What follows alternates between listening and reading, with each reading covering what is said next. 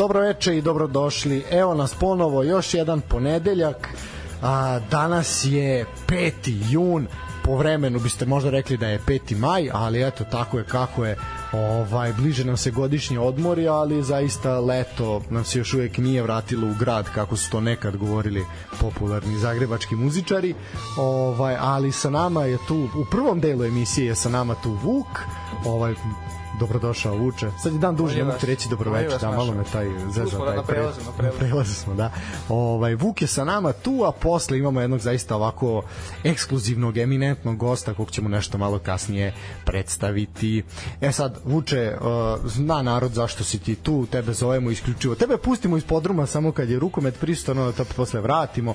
Prilike tako nešto se dešavalo s tvojim kolegama na javnom servisu, prilike samo ih izvuku za u januaru, znaš, ih se sete. Kad treba, da. Da, kad je ruska salata i rukometno prvenstvo, ovaj završen je kup Evrope. Vojvodina je posle 22 godine donela eto jedan evropski trofej u našu državu. To je prvi evropski trofej za rukometni klub Vojvodina. Uh, ajde za one malo neupućenije, mada smo mi ovde pričali o tome, u pitanju je treći rang takmičenja, znači ako bismo poredili sa futbalom, to je neka liga konferencije, da. jel? Ovaj Vojvodina je savladala norveškog predstavnika koji smo rekli kako se čita na kraju. Pa mnogo je, mnogo je različitih verzija, ali mi smo prisvojili Nerbo. Neka Nerbo. bude Nek bude Nerbo, Nerbo, nek svačak bude Nerbo. Sad, sad je mislim nebitno Sad kako je je. nebitno, da, kako se zovu, važno da su pobeđeni. Tako je. Uh, Vojvodina je, eto, pričali smo o toj prvoj utakmici, uh, evo sad revanš, uh, tvoji neki utisci, Vojvodina je čak i slavila, ne samo da je osvojila, nego je i pobedila u drugom, 25-23 je bilo, ovaj, na kraju, uh, da li si ti očekivao zapravo da će Vojvodina slaviti prvo u Norveškoj u matine terminu od 13.15 znaš ono kao oni su odigrali utakmicu, oni su pioniri izašli na trening I ono, još od jedno, da. Mogli su još jednu uveče da odigraju.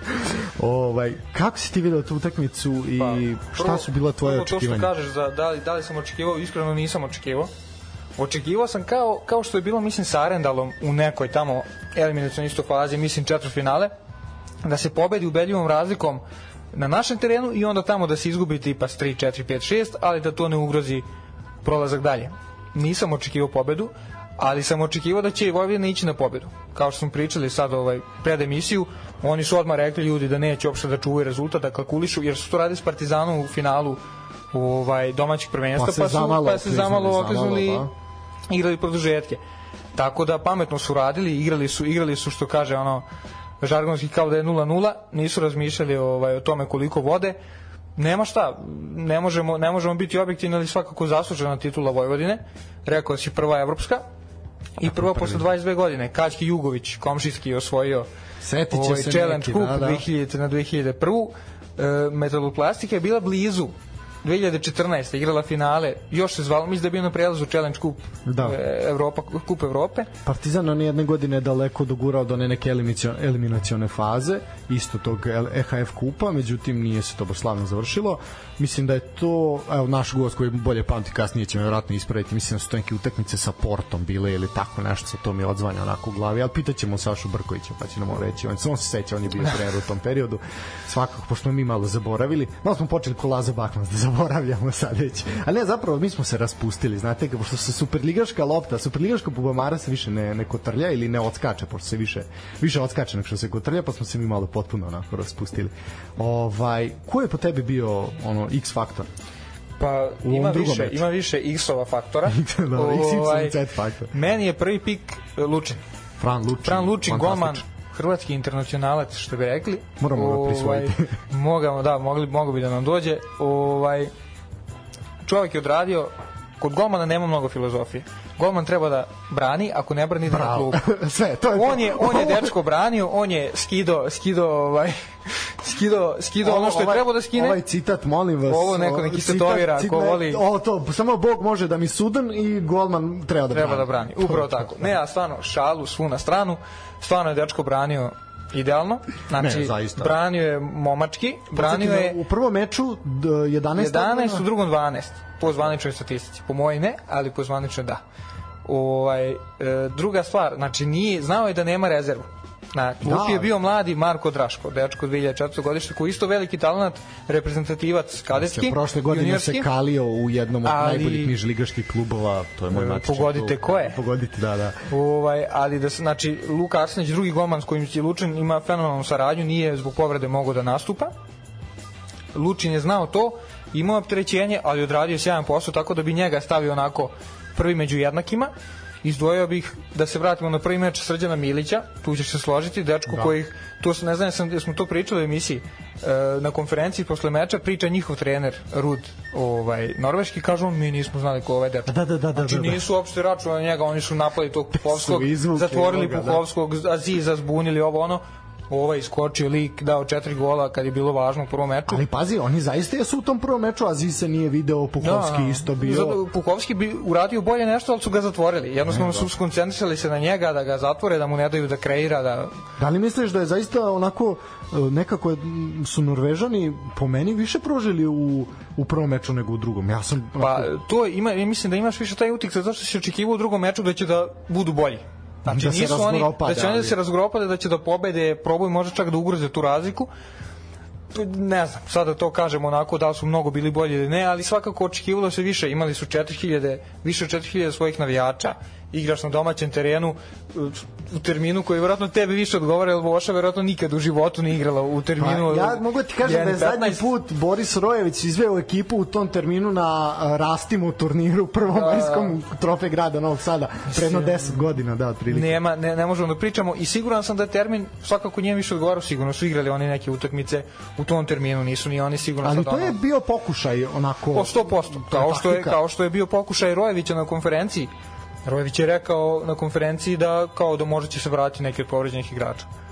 A naravno da se nisu vratili ili imaju zbiljnije povrede. E sad opet trener njihov možda nije mogao da ima pravu sliku i možda misli jebote šta ako se sad i ovi vrate, razumeš, šta ćemo tek onda kad su nas bez njih, bez tri važna igrača pobedili sedam razlike. Da se vratimo na meč, da ne lutamo mnogo, stvarno u potpunosti zasluženo i stvarno svaka čast za Vojvodinu koja ovaj nije završila ovu sezonu. Tako je Ovo je ako ako sam ja dobro ovaj dobro informaciju ima 57 zvaničnih utakmica ove sezone do sad. To je strašno. Znači to je oni su ljudi NBA znam, NBA znam kad pričam s njima, ovaj imali su jedno dva meseca paklenih na svake tri, tri dana utakmicu. Pitaš ih nešto utakmicu, pa ne znam više šta ti kažem. Ne, ono, se razumeš, ljudi, ljudi se ljute što je Vojvodina pustila Seha ligu, što je ovo, pa mislim, ne, ne nema nema tu priče, to je to je rezonski potez.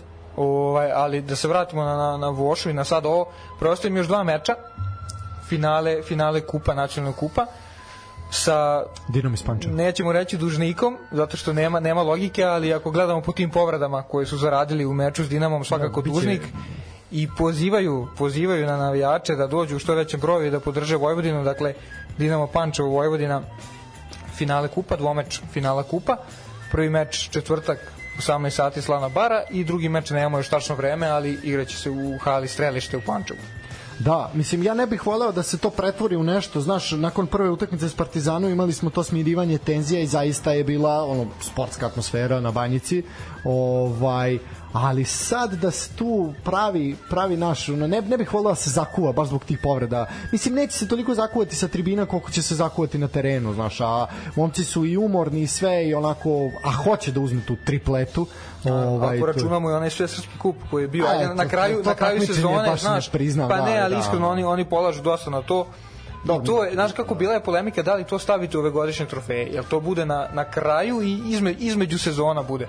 Tako da ne, ovo je, ovo je za tripletu, da. Znači, Ajde, prvenstvo, Evrokup i, i, kup. To što si rekao za, za te neke eventualne tenzije, mislim da neće biti toga iz nekoliko razloga, zato što prvo, dobro si rekao, istrošeni su, drugo, mislim da je Vojvodina sad u ono nekoj nirvani, nekom opuštenoj atmosferi, osvojili su Evrokup i znaju da su i bez toliko igrača, znači neće igrati standardni, standardni ovaj, desni bek, levoruki Milan Milić. Miloš Grozdanić, levo krilo, jedan od najboljih igrača ekipe, najkonstantnijih, neće moći da igra. Drugi golman, Luka Arsenić, ne može da igra. Srednji bek, Branko Tomić isto verovatno neće, neće moći. Nije to još ništa zvanično, ali spekulacije. Tako da, ali mislim da oni bez tih igrača, ako njih zamene neki onako, ajde iz, iz juniorskog pogona, a pokazala je Voša da ima ekstra taj juniorski pogon, mislim da su oni svakako favoriti u oba meča i da će da je veoma realan scenarij da u prvom meču napravi ozbiljnu razliku, tipa 7, 8, 9, 10 i da onda To je nedostižno, da. i da onda ovaj sa jednih prvih 40 dobrih minuta u drugom meču reše, reše pitanje pobednika i eto na, na sjajan način zaokruže verovatno najbolju sezonu u istoriji kluba. Što se tiče, aj vratimo samo na evropski put još jedan put. E, šest rundi je bilo u ovom takmičenju, e, 12 mečeva, 10 pobeda i dva poraza, znači padali su redom Brixen, njih su dobili 25 razlike, pa je padao Krems iz Austrije, tu je bilo onaj moment Frka, da. da frke, pa je bio Arendal iz Norveške, pa Gorenje, Slovenija, pa sad ovi šveđani, ovaj Alingsas i Nerbu na To je, kraju. to je malo i onako ovaj lice, lice našeg naroda i, i povezano se sportom. Da, pa znači, to je niko to, ne, ali pazi, taj Eurocup, prvo kad kažeš Eurocup, niko se nije zainteresovao tipa od one frke s Kremsom, da kažemo ko ne zna, navijači Voše su pravili neke ispade, da ne širimo dalje priču tamo u Austriji, i Aus, austrijski klub Krems ima, ja mislim, pet ili šest ovaj, Albanaca, koji, koji su kao, tra, nisu tražili oni da ih neko zaštiti, ali su tražili, e, klub se pozivao na to da se ne bi sigurno osjećao niko iz uprave, niko od igrača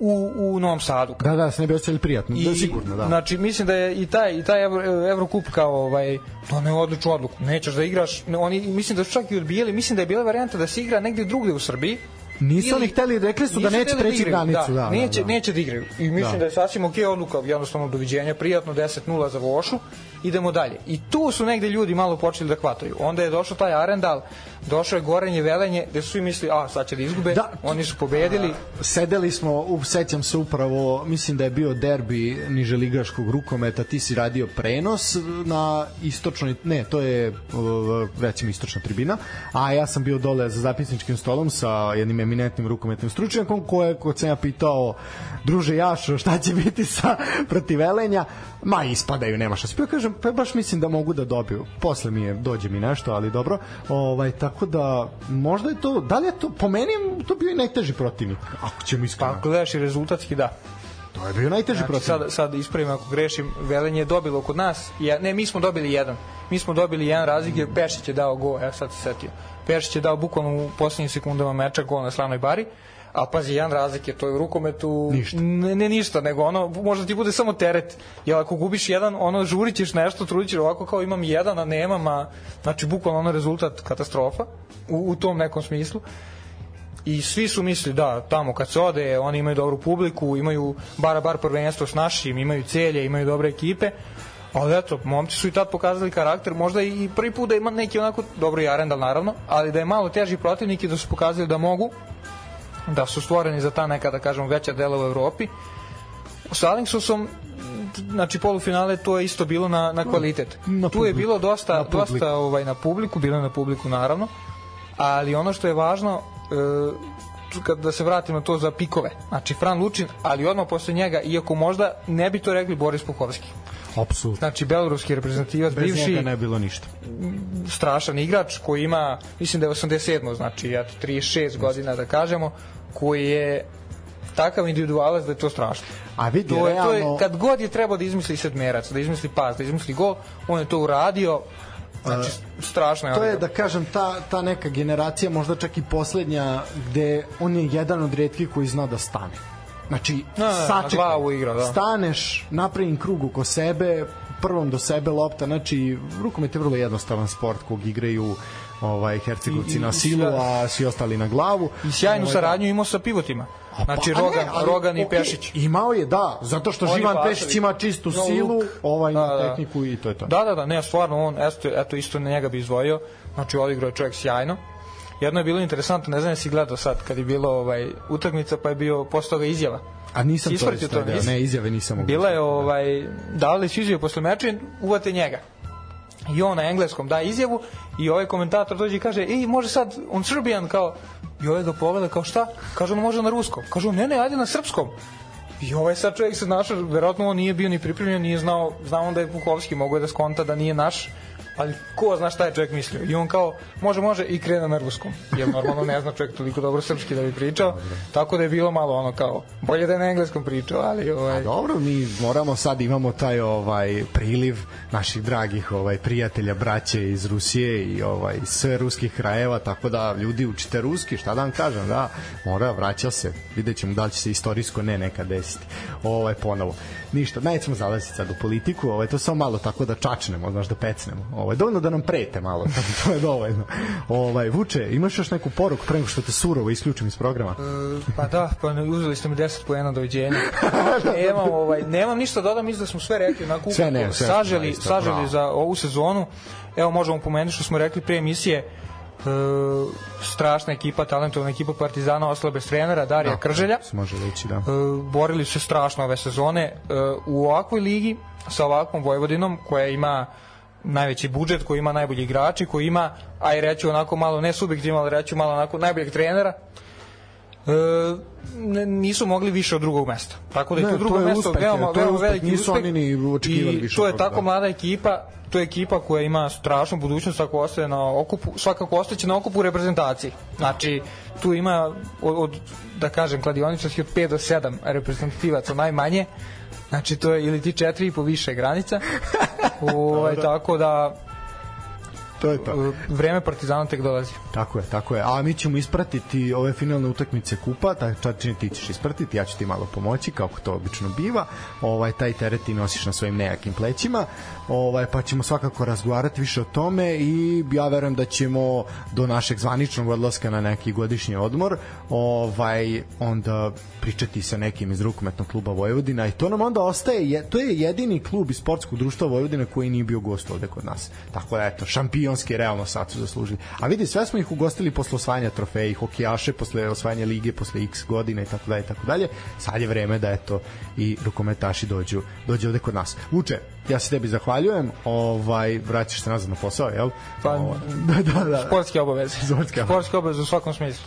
Da. Ništa, ja, ja se isto zahvaljujem ove što smo izdvojili vreme, ja i ti ja i ostali da napravimo priču o ovom rukometu i ništa, slušalci ćemo svakako da uživaju u nastavku emisije. Tako je, biće zaista za uživanje, a mi ćemo sad pustiti jednu pesmu, a mislim da je ova pesma onako sve što nam je potrebno u ovim danima, ovim teškim momentima, a to je solidarnost, tako da slušamo malo o solidarnosti, a za nekih 5 minuta se uč- uključujemo zajedno sa našim gostom. Tako da uživajte, pa se čujemo za 5 minuta.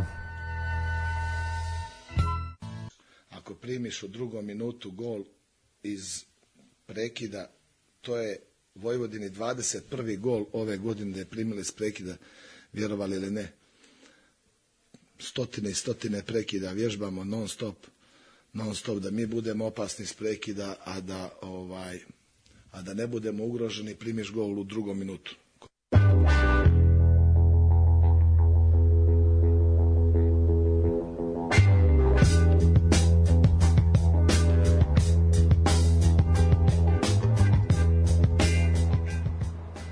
E, evo nas posle pjesme o solidarnosti sa poljskim radnicima ovaj, vraćamo se nazad u program pola sata je prošlo nakon 19 časova i sada uključujemo našeg ovaj dugo željenog i mnogo očekivanog a dragog a dragog gosta, ali ovaj put pošto je ovaj gost je iz Nikolinog pula gostiju, pošto mi nemamo sponzorski pul, mi imamo samo pul gostiju, a ako želite budete sponzor, onda Patreon.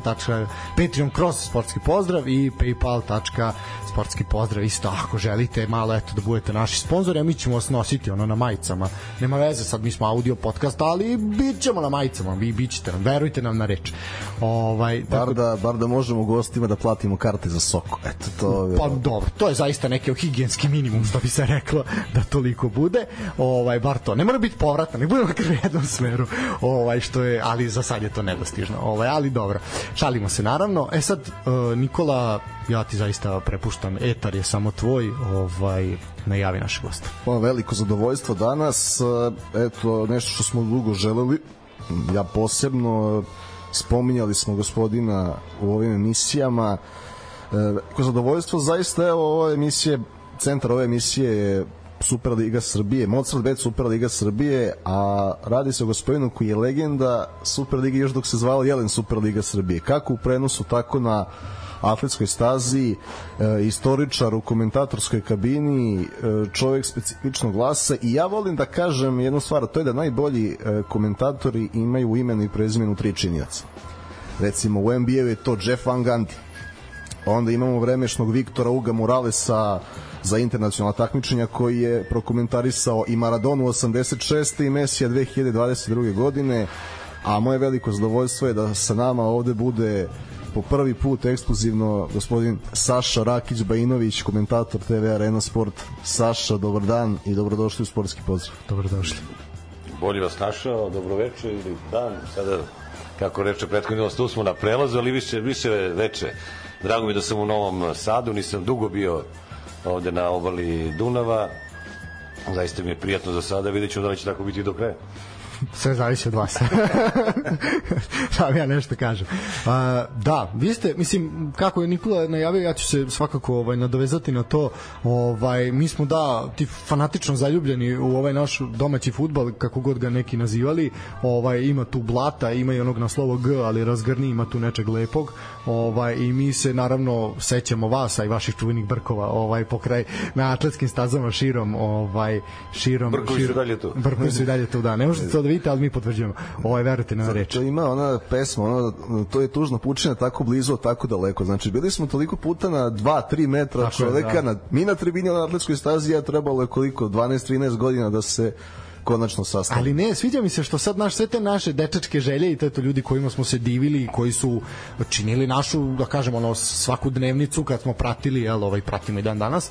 Ovaj eto naš sad kao imaš konačno mogućnost da ih ukozdiš, pa je tako bio Lazo Bakmans, pa smo tako pričali s nekim ljudima, evo sad je tu i Saša Rakić Benović, tako da ova mi smo ovo prisvojili, ovo služi kao eto ispunjanje naših kompleksa i dečačkih želja, tako da ništa posle vas Pamela Anderson, to je moja želja bilo uvek, ali dobro. Malo nerealno, ali dobro i tvoja i prljavog inspektora Blaža. Pa on je upozno, pa on je upozno, pa može Blaža sve loše. Pazi, mi ćemo, jer gledaj... Dobro, kada bude pomela, bio bi ja tu negde. Ovaj... može, sad ćemo. ovo, pa svakako ne mislimo da je ovo jedini put da dođete.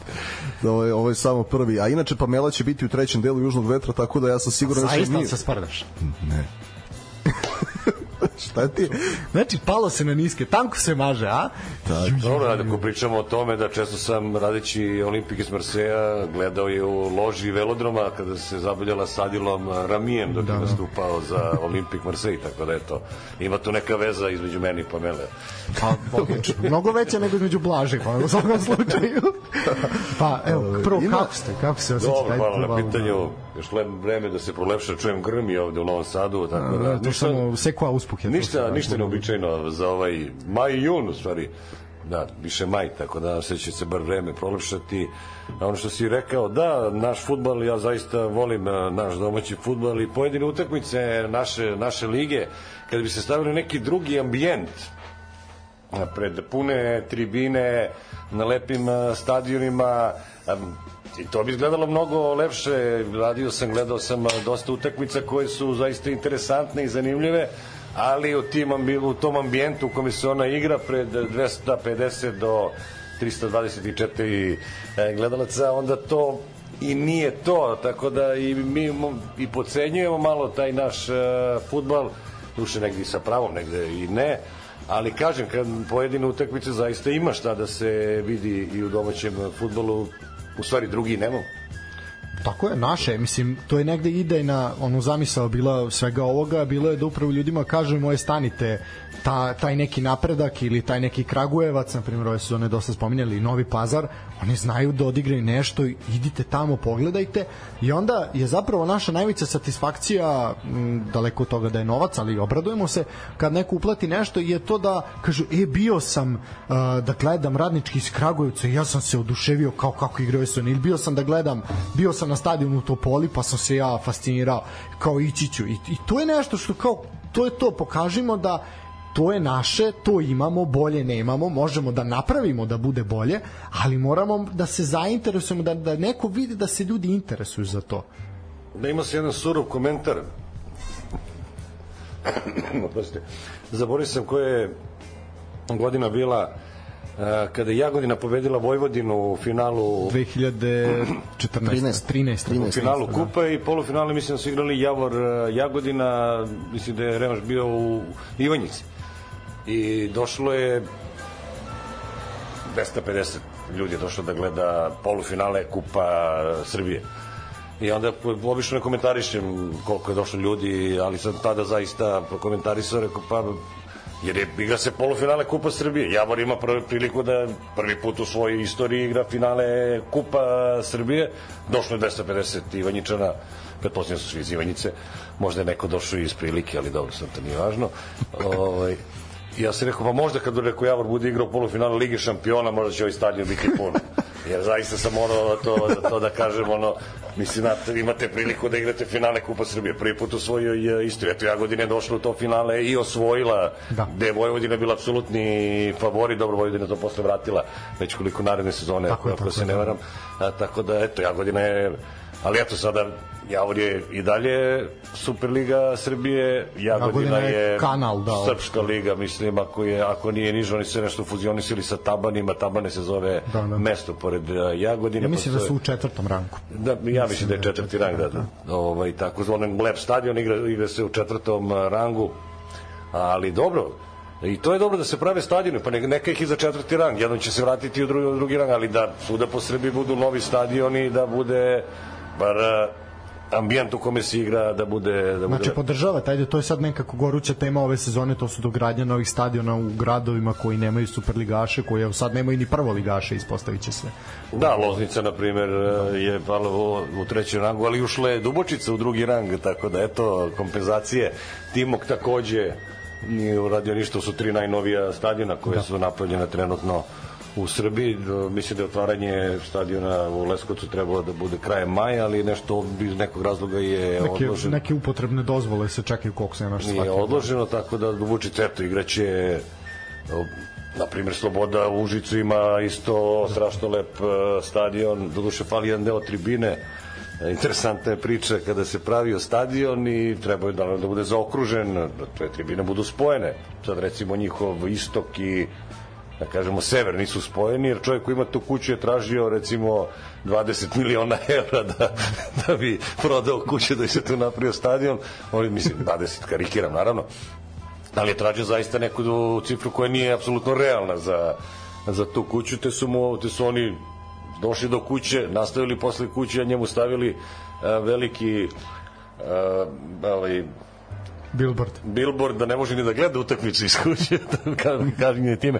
A hoću da kažem da eto i Sloboda ima dobar stadion, oni su treća, treća liga, Jagodin ima dobar stadion, oni su u, u četvrtoj, četvrtom pomorstvu. Zar nije, zar nije Sloboda ušla sad u prvu ligu? Ja mislim da su u prvoj ligi. Sloboda, uh, m, Sloboda Ili su se tukli nešto za ne, ligu. Smederevo je Slo, Sloboda i Borac i Smederevo. Ne znam, Smederevo. ne znam otkud Smederevo uopšte u toj zoni, ali Smederevo, Smederevo je prvi borac je drugi Slovo, Nešto su se tukli, Smederevo i pa borac su, su bili takmaci za ulazak a, u, u prvu ligu, ali je Smederevo na kraju završilo kao prvo. Eto, na primjer, OFK Beograd se vraća u, u prvu ligu, Posle šest godina, da. stadion koji je ruina, mislim da je ono je opasno po život a, otići tamo gledati utakmicu ova jedna tribina za njihov zapad, zapada oblinskog stadiona se i ne pušta, ide samo tribina istočna do Dunava, ali to je tribina koja može da primi zaista, zaista mali broj gledalaca. Euro, svako mesto na kom je ikad Bora Čorba držao koncert postane ruina. To je neki baksuzluk. Dobro, da. sad, je, sad je u Sloveniji. Da, pa zato im se liga raspada, ovaj da. Ovaj, a, dobro, mislim neki zli jezici će reći da gledanje fudbala Lole Smiljanića isto pogubno po život. Ovaj, ali dobro, Dobro, da. tu i Kaluđerović, ne može samo... Roko Luđerović je ipak ozbiljan igrač. Je- I Kasalica. Da, zaboravili smo kasalicu, ne smo to da, da, da radimo. Tako da ću kažem, ono, uz sve šal, mislim, uz šalu, naravno, zašto se ne šaliti, ovaj, nije toliko loš naš futbal, koliko je nekako, kako bih rekao, skrajnut, e, više niko ne kupuje sportski žurnal, e, prešlo se na mobilne telefone, a vi nećete naći udarnu vest, e, ne znam da je napredak iz Kruševca pobedio radnički iz Niša u tom starom srpskom derbiju, kako su ga mi nazvali na na areni, tako da nekada dok nije, mislim, naravno nisam od onih matoraca kao da sve su krive društvene mreže, TikTok, ovo, ono, ali zaista kad se kupi žurnal pa se prelista onako, bar se preleti kao ko je u Srpskoj ligi istok prvi, ko je u zapad, ko je na zapadu, ko je u Vojvodini, ko je u Srpskoj ligi Beograd, pa se vidi, ali to, mislim, novine kao novini izumiru jednostavno kao mediji, jednostavno za nekih 10 godina, da će, da će postojati, ali će iko a, čitati to i to, o tome se vodi velika polemika. Tako da evo videli smo na primjer Nišlije 5000 ih je došlo protiv uh, Indije. Ali došli su, a to je bilo Kada je bilo stani pani. Kada je bilo stani pani, gde su bili tokom cele sezone. Imali su oni x takvih meča koji su mogli da odluče da ostanu u ligi, da ne dođu do baraža. Pa oni su negde radnički je sezonu završio pre nego što je počeo. Ono ispadanje od Gzire je negde usmerilo kasnije celu sezonu i i gledanje radničkog ono na čitave sezone, ali eto uspeli su protiv Indije da nadoknade 3-1 pa 3-0 došlo je 5000 navijača svaka čast pa dobro i treći grad, grad po veličini u Srbiji zaslužio da ima superligaša mislim nemam ništa naravno protiv Indije kako reče jedan trener Viteški kao slabi boriti se e, za triumf i negde ja sam očekivao da Indija bude Pogotovo nakon prve utakmice. Da, nakon prve utakmice očekivao da Indija bude Superligaš, ali eto, namesti se tako gol, crveni karton, onda još jedan na početku drugog, to je već anulirana prednost, pada se malo i psihički. A najbolja šansa utakmice na 0-0 bila za Indiju. Jeste, i mogla utakmica, Remaš je mogo da, pu, da počne isto kao i prva utakmica, jer u prvoj je Indija dala u sedmom minutu ili tako nešto. Pa da, bilo je nešto i poništenih golova u Indiji, da, mislim, ajde, za one koji nisu ispratili 3-1 je bilo u Indiji, ovaj, Lazar Palović je, eto, spasio radnički iz Niša. Da, Lazar gol, Palović, da. to Sjango je postigao. Da, I u malo i drugi bila prečka. Da, da, i, to, i to nakon 60 sekundi nešto. Tako je, odmah, da. Uh, u drugom meču 3-0 čisto za, za radnički, e sad u drugom ovaj, dvomeču, u prvom meču je bilo 1 1-1 između grafičara i radnika i Surdulice, a u drugom meču je bilo 2-0 za radniku, ono što smo Nikola i ja predvideli da je tu radnik ipak mnogo, mnogo kvalitetnija ekipa ovaj, i sa većom željom svakako. I konačno gol Milana Makarića, koji zapravo, pazi, koji zapravo i ne igra, ne igra loše u polju i protivnici su se generalno opredelili da se fokusiraju na njega. Andrija Radulović je sav prostor koji Makarić otvara koristio fenomenalno cele polusezone i sačuvao radnika eto u Superligi. Da, stigla je poruka, samo evo naš drugar, prijatelj i kolega Nikola Delić nas ispravlja, kaže Sloboda iz Užica je u prvoj ligi, a Sloga, Požega, Priboj i e, Priboj, Smedrevo i Borac iz Čačak su u ovoj drugoj. Hvala nispraci. Eto, uvaženo. Da, jeste sloga, da, sloboda, da, da. Da, da, to, to tako da može. Ovaj evo evo ja imam ovako pitanje sad spomenuli ste baš ovaj jel što kažu štampane novine da li, da li su tu bili neki vaši početci evo ja ću sad evo pronašao sam nešto još sa, sa starog sajta arene kaže Saša Rakić Bejnović, novinar i komentator, diplomirani istoričar kome nisu samo Sparta, Atina i Mesopotamija teren na kome odlično funkcioniše. Niti je pad Bastilje jedina oblast o kojoj možete razgovarati sa njim. O futbolskoj istoriji bivše zemlje zna daleko više od svojih kolega sa fakulteta. Krstari futbolskim stadionima, nekada sa brkovima, nekada bez njih, ali što bi rekli što je muškarac bez vrkova. Tako da, eto, ti počeci, ovaj, kako pa se došlo do arene? Odrastao sam uz, mislim, sada tih 80. godina, naravno, spokojnog oca, normalno štivo, svako, svaki dan su bile večernje novosti i sport, dok je sport, uh, dobro, tada žurnala nije bilo, sport je bio jedina, jedini sportski dnevni list u Srbiji, sportske novosti su bile u Hrvatskoj, a u Srbiji je bio sport i onda nekako i učilo se da se čita uz sport i onda uz oca koji je za ti vreme sporta i razvona da legendarna emisija radio Beograda gde svaka nedelja popodne rekao Johnny Štulić nedelja popodne nogometni dan i onda vreme sporta i razvona gde su uključivali iz, Skop, iz Ljubljane, Skoplja sa Kantride, gradskog vrta iz Osijeka, interesantno je bilo slo, slovenački komentator priča na slovenačkom, iz Skoplja su uključili na makedonskom, Ivan Tomić koji priča o stihovima, on je obično pratio Osijek ili Vinkovi ili Dinamo iz Vinkovca, Vinkovaca sadašnju u Cibaliju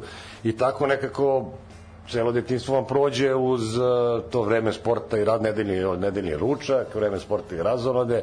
Mislim, nije bilo nekih uh, izbora, im dva kanala, Radio Beograd, novine, to vam je što vam je, crtani u 7 i 15, serije 8, doviđenja, prijetno, nema, nema mnogo toga da se i onda me uvek to interesovalo, zaraženo od oca, kažem, sportom, futbolom, mahom, I onda sam želeo da budem sportski komentator i onda pazi šta želiš, možda se to na kraju i ispuni i onda sam počeo da radim nekoj privatnoj produkciji, sportsku emisiju, pa je onda krenula Košava, onda Arena i tako jednostavno uđe to, znati sami novinarski posao, komentatorski posao, tuđe pod kožu, jednostavno posle teško je da, da se oslobodite od toga, počnete da razmišljate na taj način, počnete da gledate utakmicu na taj način. Doduše ja sam utakmicu uvijek i gledao negde tako na taj način eh, ko je dodao loptu, ne onome ko je dao gol, nego onome ko je dodao onome ko je dao, dao gol, tako se nekako gledao utakmice i to mi je ostalo i onda sad mi, onda bi bilo mnogo lakše kasnije kada sam postao komentator da,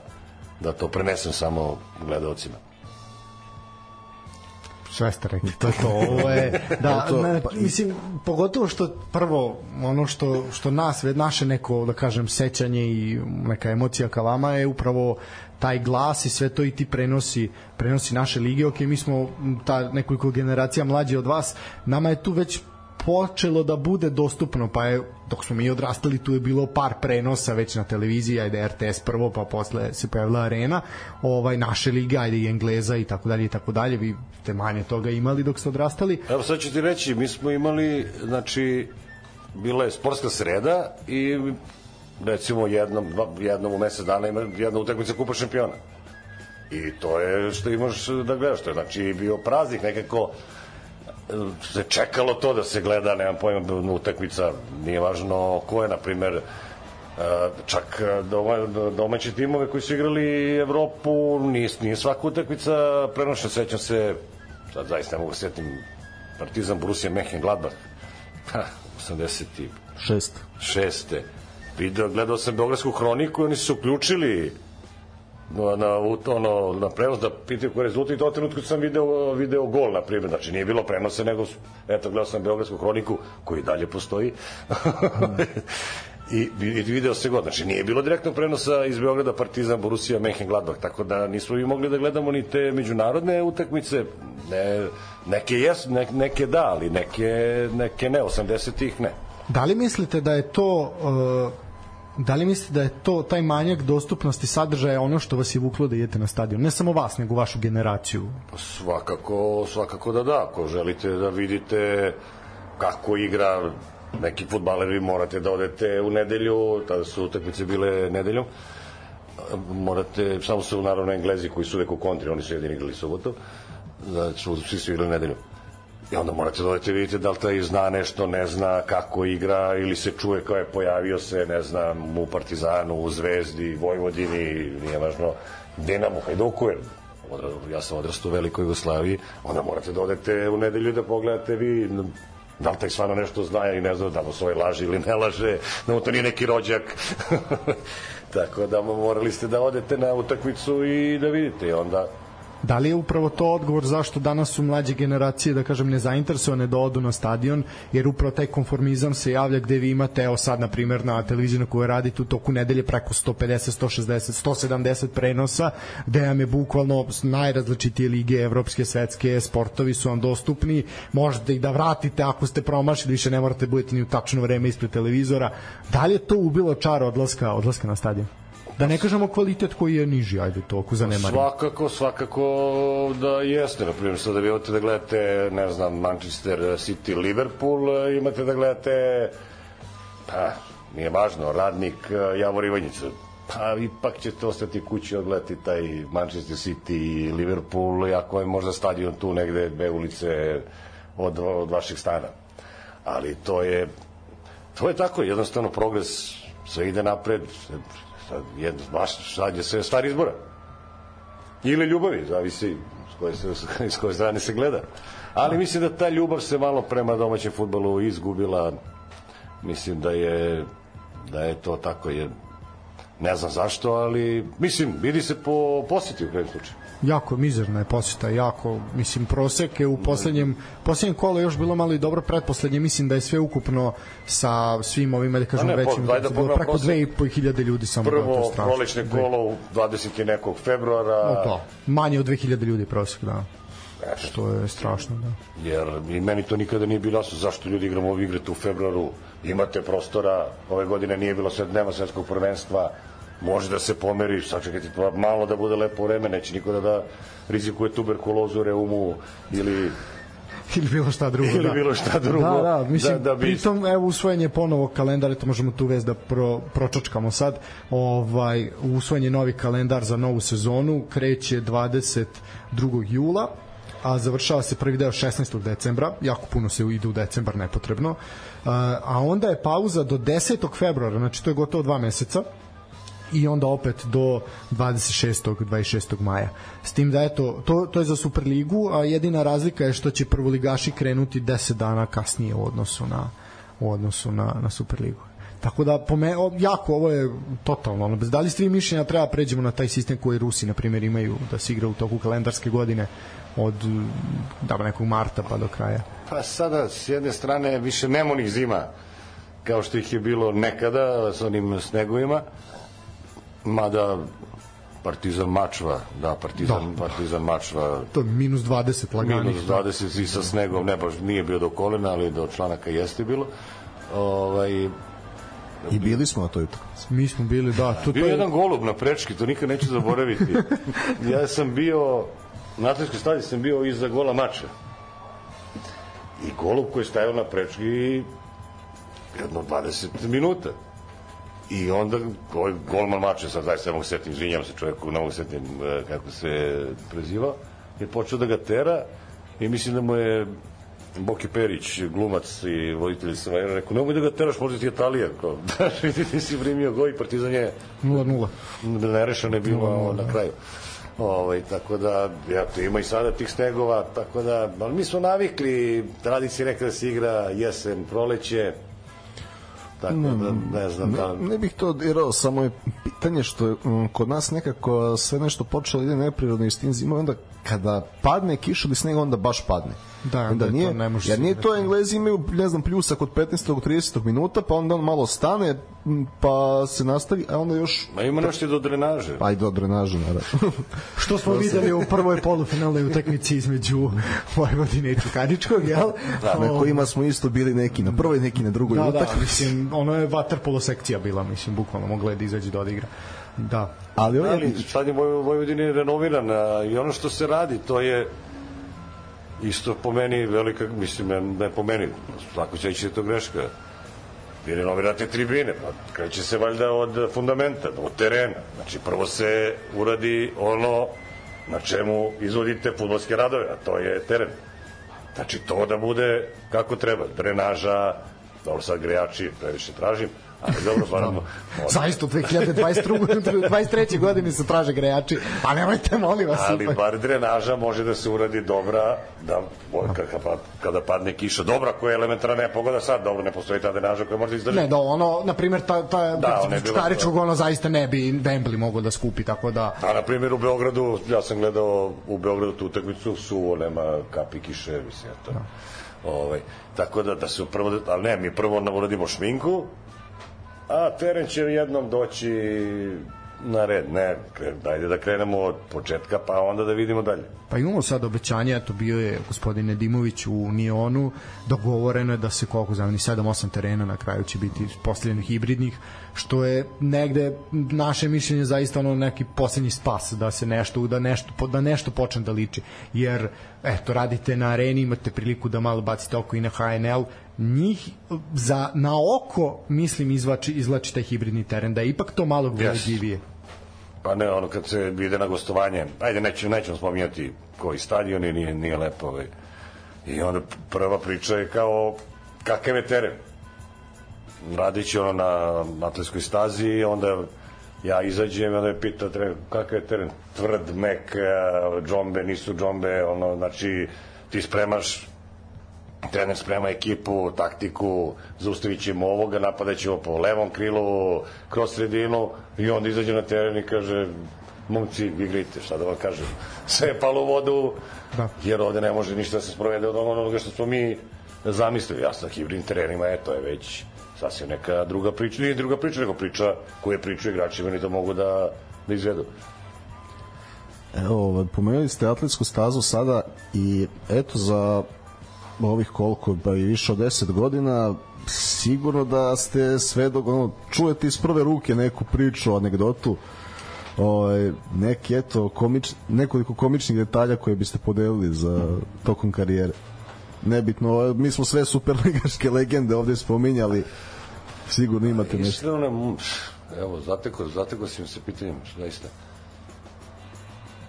Mislim da je bila proslava poslednje titule Partizana, bio sam na atletskoj stazi i svirala je grupa jedna... Na, to je protiv Spartaka, ja mislim 5-0 je bilo. Ovaj, Nešto, to je bila neka Ne, po, po, ne, posle Poslednje Lučani. Lučanima, ali tad nije bio 4:0. koncert. Pre, kon, posljednji put kad je bio Ne, koncert je, je- bilo protiv Spartaka. To je bilo ono, navijači su bacali ono petarde, šta je bilo na, na, na ali zapadnu. grupa Da. i ona je svirala, počelo je drugo polovreme To je 2013. Spartak. Da. i oni su i dalje svirali. da, da, to jeste istina. Da. I onda sam ja kao Radulović je kolega bio u kabini kao, rekao, ja ovo nisam doživao da se futbol igra, da ovi sviraju, rekao je kao ono, festival, rekao, ne znam šta je ovo, ono, Woodstock. da. Eto, to mi je bilo interesantno. Vi bili i na atletskoj stazi kad je, to je onaj derbi Kojiću. Kojiću Bili- 90 nekom, da, da. kako ne. Vulićević, Vulićević za Kojića, sa da. prednjim ukrštenim ligamentima, što Da. je fizički, mislim, ono, medicinski fenomen da čovjek može da igra sa prednjim Zadnji, zadnji bek u našoj ligi koji zna da centri iz natečavanja, da, to je. Da, on je centrirao svo poštovanje Kojiću da mu još sto puta centrira nevjerojatno. Ni na treningu. Nema šanse, ono je jedna, ono, ono, da, jedna, jedna u sto. Ja, to kažem još sto puta. Interesantno da Voličević ima dva gola e, u centar šutima iz derbija i onaj Đurđevićev, Da. e, ali gde je lopta izuz, dugo putovala. Znači, oba puta, baš onako Vićević je dugo. prevario Sebastijana Freja protiv Burse u Novom Sadu isto centar šutom. Pritom, a baš zašto spominjem Sebastijan Frej, bilo je dokumentarac pre neki dan je bio na areni gde je izašao jedan zadrigao ovako momak. Ko je ovaj lik, šta on priča, zašto ovaj golman ide u pozadini? Sebastijan Frej izgleda kao da drži pečenjar u veterniku otprilike, znači katastrofa, a čovjek ima 42 godine, ono mislim strašno. Tako da eto, se setimo Da, se da, bio sam, bio sam Vučića. da, da na atletskoj stazi. Da, pa i to je interesantno. Naš uh, organizator, Švaba, Popolani Švaba, on je postament na kome stoji lopta, pre, je stajao tu pored mene. Bila je klupa, ono, znate da, da, da sam ja sedeo. I jedan put, ja sam gledao šta se događa, ne bili preneo, ono, gledalcima šta se događa dole. Švaba se krenuo u trenutku i vidio da je postament na istočnoj tribini, neko, neko je sišao i uzeo taj postament i sa njim se radovao, a onda je Švaba, e, daj vrati, molim te, kao treba će nam za narednu utakmicu. ali ovaj je bio fin čovjek, je vratio taj postament. Ovaj, tako Pa dobro, na proslavi titule su ukrali dres Đilas onom nesretnom ovaj, da sa klupe, pa čovjek je da molili su isto pre početka drugog povremena vratite, ono, kao nemamo drugi. Ma da. da. I da mu nisu vratili. Nikakve razlike ne bi bilo, apsolutno. A, mislim, ajde kažemo da šira javnost vas je zapamtila po onom momentu ko ne prati domaći futbal, ovaj, to mislim po široj javnosti i onaj moment sa Lalatovićem i skakanje po tunelu. To je... A da, sam tu bio sasvim miran, ovaj, Da, niste, da, Lalat je to imao svoj moment. pa neko mora da bude miran. Ovaj, Da, pa- toj situaciji. Dobro, nije ni teško pored Lalatovića biti miran. Ispasti miran kako god, da, da, da. Kako Pa je dobro, bilo? nije to bilo ništa, to je naduvano. je. Ja sam zaista bio tu, nije bilo psovki, samo je neko skakao po onoj, kako je nazvao, kao tunelu, Da, da. Ne, neko je skakao gore i stvarno se čuli, mene su pitali, pa mislim i vidi, ono, na, Čuje se, da. ja kažem šta se događa, rekao ništa, skače neko, ono, rekao sam samo šta se događa, prenose ništa, komentatorski šta se događa, da ovo isto da neki, neko skače, neko gore i, i to je to.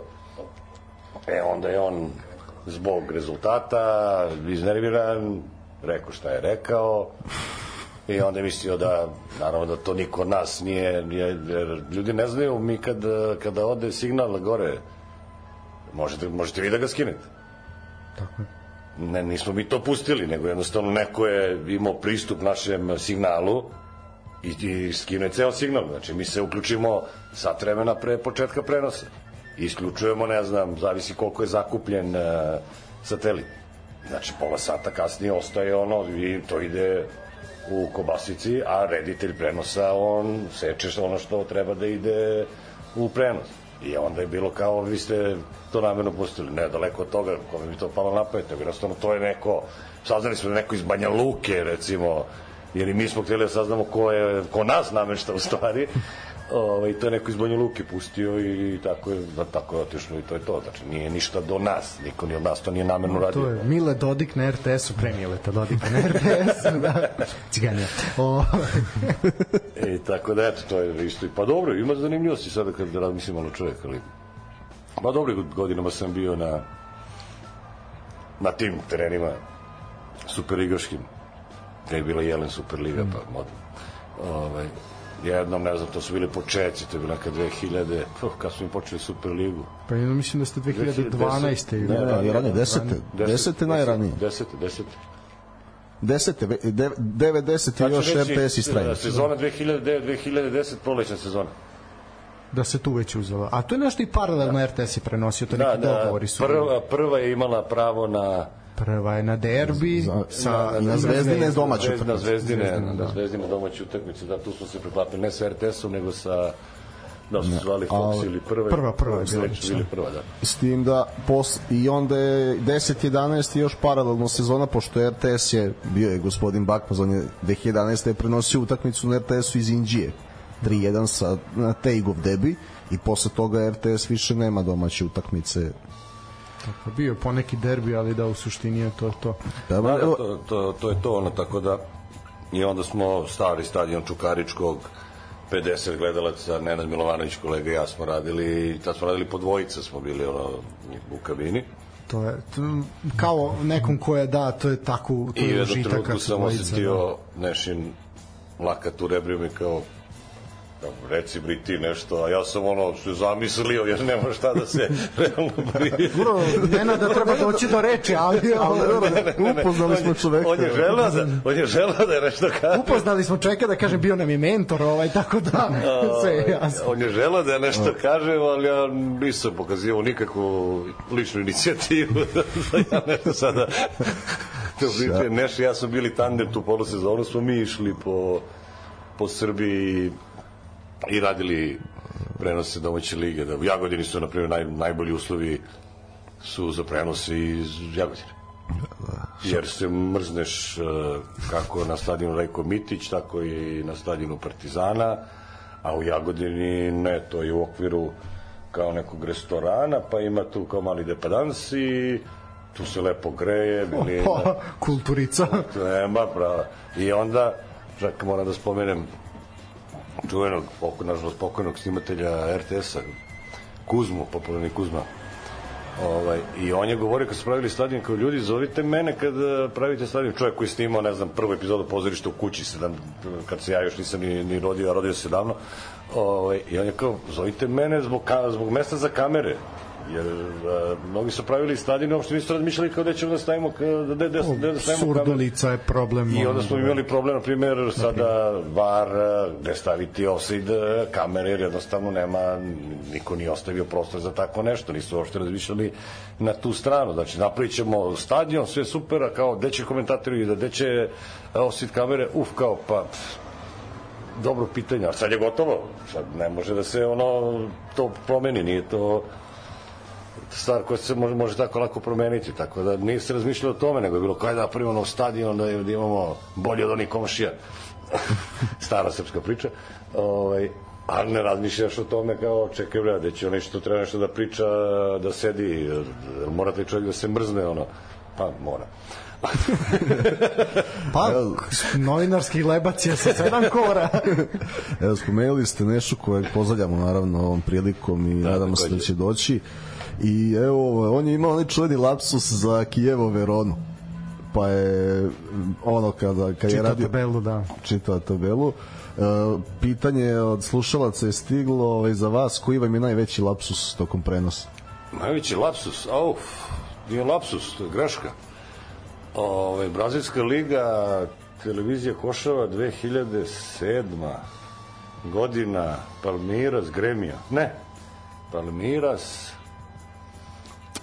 koji tim, koji ušao iz druge lige, isto ima zelene dresove, sada je mogu da se setim, ali setit ću se. Jel Gojas možda? Gojas, tako, bravo. Gojas. I sada sam ja, nešto sam utrčao kasno u prenos i vidim zelene, aha, rekao, to je Palmiras, dobro, beli su Gojas i kao i go, zeleni daju go, Palmiras vodi 1-0, treći minut, sva sreće, brzo su dali go. Sad pogledam grb, Nije to to. Ima ono, kao mi je ovo grb Palmiras. I ja rekao, pa čekaj bre, ovi su zeleni, ono. Rekao, ne, oprostite, Gojas je pojela se jedan. Tako da to nije lažeš, to je takva greška da je to, kao što je moj prvi prenos u životu, najgori prenos, to uvek, koji je ikada jedan komentator radio. Koji je bio prvi prenos? Palermo Lazio.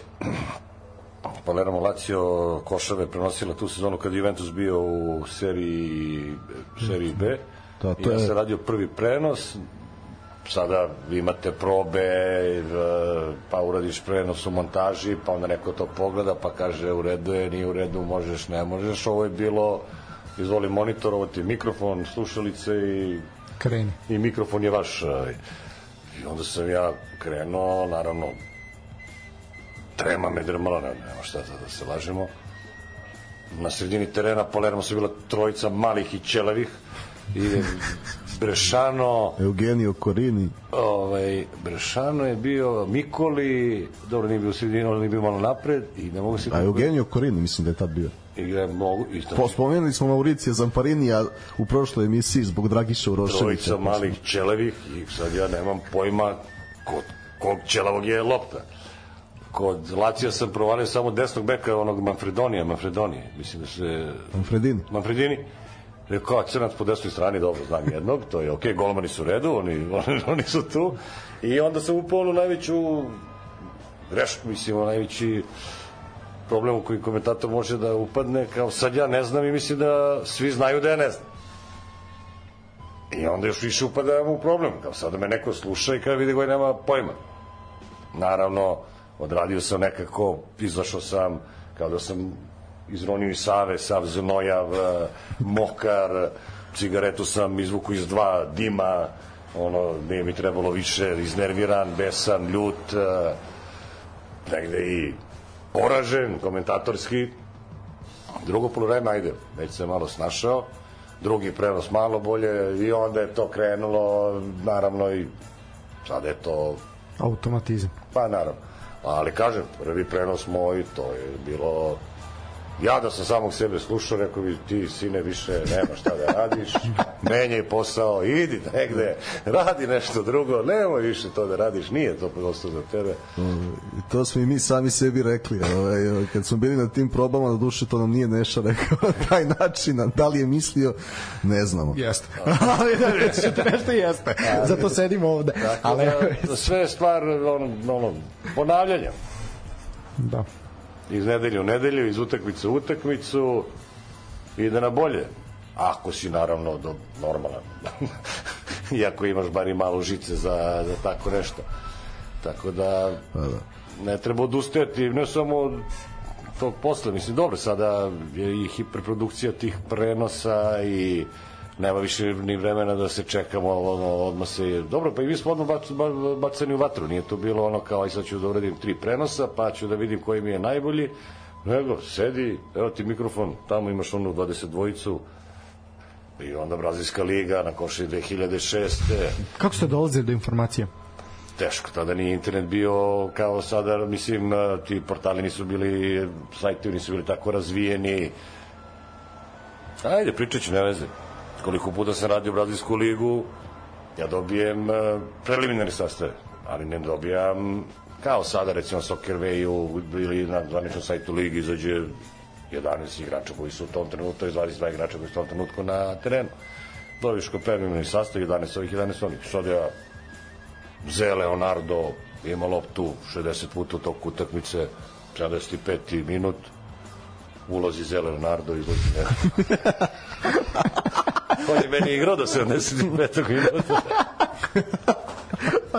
Što kažem, ali, Ali tada sam već bio dovoljno iskusan da samo pređe preko toga. a to je da, to, to je Nema ono kao izvini, ne, ne, ne. Nema izvinjavanja. Ne, ne, ništa. ne. Leonardo je ušao u igru i nastavlja najnormalnije. I ponovo je lopta kod Leonardo. Ja sam, jedno ću biti u pravu. Ono što kaže pokojni bar živa, ti Brazilci su namazani, svi su Santos. Tako da, Tako da bilo je bilo je teško naći sastave. Onda, ali sam zato, na primjer, izvlačio za svaki klub kad je osnovan, zašto je osnovan, da bi imao A više te priče kao da trivije, da. da više te priče sada da li je Korintijos osnovan na dan kada je potonuo Titanic, Titanic rekao, "Et- eto šta mi je ostalo Palmiras eh, je osnovan kao Palestra Italija, pa zbog eh, drugog svjetskog rata, kada je Brazil ušao na stranu Atante, oni su promenili u Palmiras.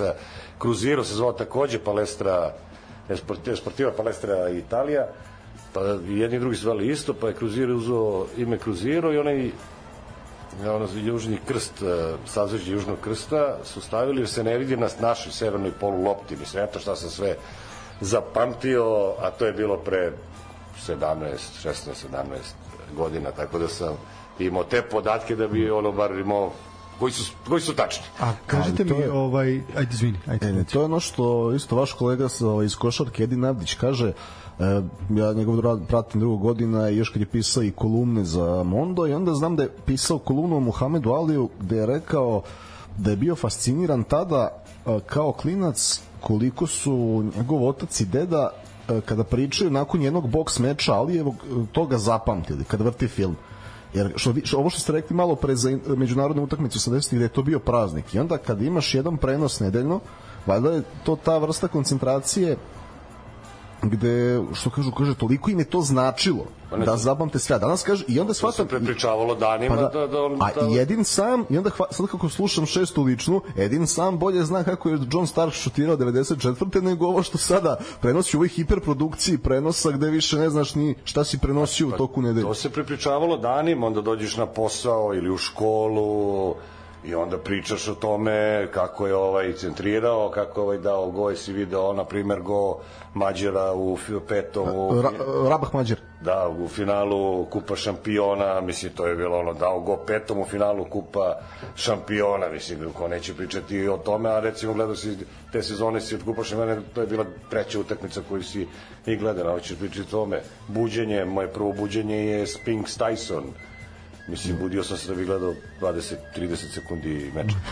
ovaj, ali to je bilo normalno, otac, pokojni otac me budio da gleda, on se budio za Alija, mene budio posle za Tysona, jer između Alija i Tysona, da, apsolutno, bili super teški kako god, je bilo onako, pro, ne propala, ali nije, nisi imao koga da gledaš i onda kad se pojavio Tyson, kad, kad je postao protiv Spinksa najmlađi osvajač titulu super teškoj kategoriji onda smo se svi ponovo budili ono svako jutro posle, posle boksova sa nekim Brunom sećam se pa poraz njegov od eh, Jamesa Baxtera Douglasa u Tokiju je bila senzacija ono kao Douglas pobedio Tysona pa smo se budili za Kao ovo, na primjer, kad je Ruiz Joshu relativno skoro udario.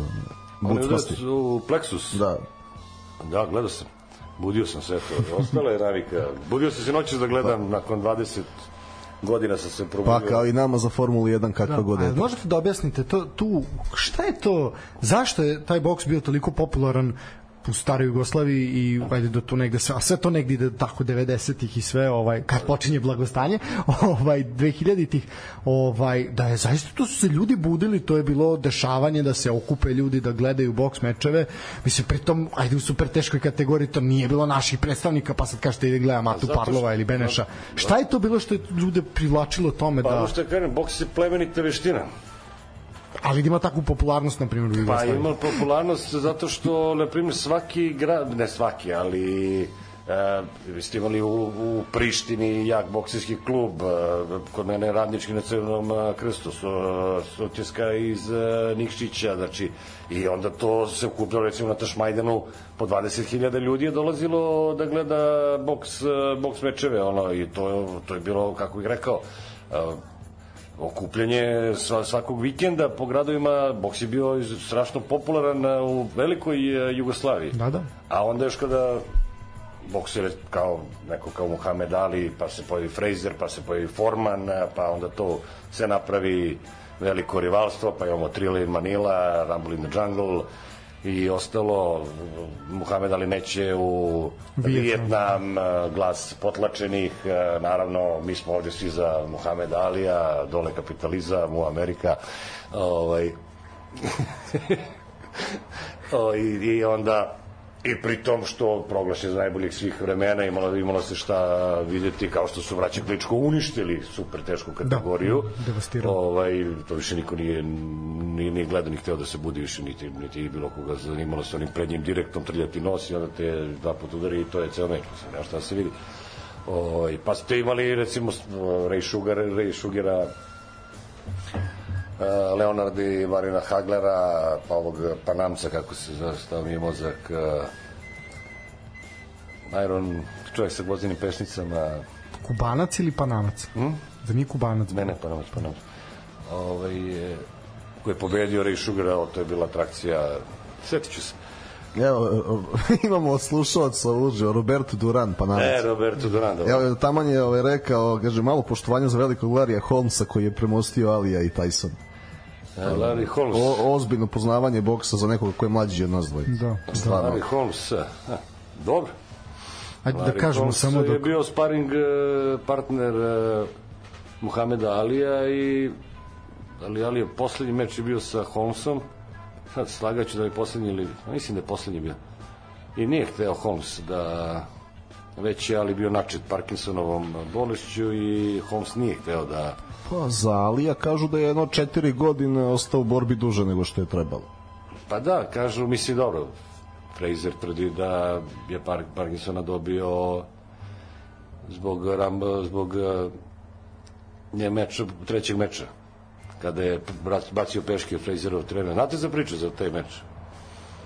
Kaže, Ali je rekao nakon meča, kaže, ovo je nešto najbliže smrti što, što može da bude. Znači, taj, taj meč između njih, dvojstvo je bio treći, bilo 1-1 u mečevima i i Ali je u 14. i 15. runde seo u svoj ugao i rekao Dandiju skidaj ovo, ja više ne mogu. Pokazao mu rukavice i kao seci, gotovo, ja ne, ne mogu. A Fraser, čovek, Fraser imao čoveka iza ugla Alijevo koji je pokazivao Fraserovom uglu gotove, mako je rukama gotove. U tom trenutku Fraserov trener baca peškir preki predaje. I pitali su Fraserov trenera zašto ste to uradili. Kaže, sad slago ću da broji. Četvorica boksera su mi poginula u, ring, u ringu petog uh, nedavno. E, to je bio takav uh, meč. Fraser je udarao u telo. Jer on je neko kao kada ubijete telo, glava će da padne. I onda je tuku ga je u telo ali je ovog tuko u glavu, Fraser je bio sav otečen, naduven, čak kažu da su mu jedno oko i Da, sečenje kapaka. kap, da, da, da su sekli kapke da bi mogao bilo šta da nazire, ne bi li video odakle mu šta dolazi, a kad, kada su udara Muhammed Ali koji nije on, Forman imao od njih trojice naj, najjači Da, udarac. George. Ovo je George boksovao već do neke 50. godine. On Da, vraća. da, da, on je boksovao i sa Holyfieldom, ono, ali to je već bilo, zato što mi ne znam, 12 dece, pa valjda... Na mirici to. I, i alimentacije ga valjda čekaju neke, Pa da, treba. neke silne... Kupiti škole, školu, knjige za Pa kada, školu, je- kada je patike. da. dokutirao Frejzera, Frejzer je rekao kao Okačić u svoje rukavice u klin, ovaj udara kao divlja mazga. Frejzer je objasnio koliko jačinu udarcima je imao Forman. Tako da boks je bio ono, svi, jer imate u jednom trenutku Formana, Frejzera, Alija, mislim, zaista to ne vrem da će se ikada ponoviti u istoriji. Evo, evo, imamo, kaže, Eddie Farch spre, spasio Frazeru život dva puta tada i kad ga je Forman bacio na pod četiri puta u roku od dve runde. Tada, tada je Frejzer rekao da ovaj udara kod divlja mazga. da, da, i kaže dosta od mene za boks, ali imamo pitanje od istog slušaoca vernog od, od ranije. A, to je pitanje e, da li ste imali uzora i da li vas je neki prenos posebno inspirisao da uđete u ovaj posao? pre nego što odgovorite, šaljite nam pitanja na 065 63 jedinice 073 ovaj, eto, za našeg gosta ako imate neki, pošto ima dosta pitanja neki zanimljivih. Pa nisam imao uzora komentatorskog, ali sam zaista slušao dosta njih, e, dosta dobrih. Svako imao, kako je rekao, neki svoj poseban pečat je davao prenosu, kad su već kod boksa, Drago Nikitović, je, njegovi prenosi su bili ovaj, fantastični kada je boks u pitanju, futbal, Jordan Ivanović, Marko Marković, ja sam slušao i zapamtio i Borisa Mutića, njegovo čuveno, da li je to Betega, je, je, Betega.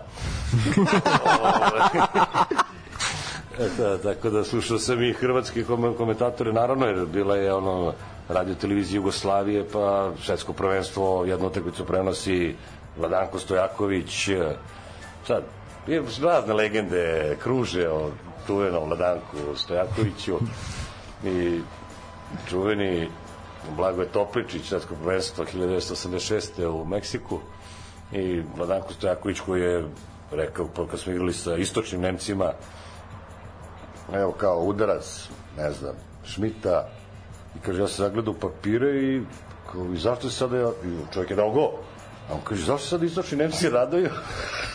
I nije video da je čovjek dao go. I sada, i razne legende kružne koje se pričaju o Vladanku, naravno, dosta je urbanih, i kao pita Blagoja Topličića, takođe čuvenog snimatelja radio televizije Beograd tada, kaže, ili ko je ušao? Ovaj kaže, Minutes. I Da, to kaže, je- ušao je igrač sa brojem eh, 10 Minutes. I, on kaže, uh, I onda ide imenica glagol, bogatstvo srpskog jezika ka Vlakoju Topličiću. Ovaj, tako da, slušao, znači, dosta njih sam ovaj, slušao, bilo je Da, isto sjajni komentator, kaže Ivan Tomić koji priča u stihovima, zapamtio sam, evo, dan danas, m, mislim da Rijeka pobedila Zvezdu na Kantridi 3-1, Janko Janković igra centrafora za Rijeku i on se uključuje.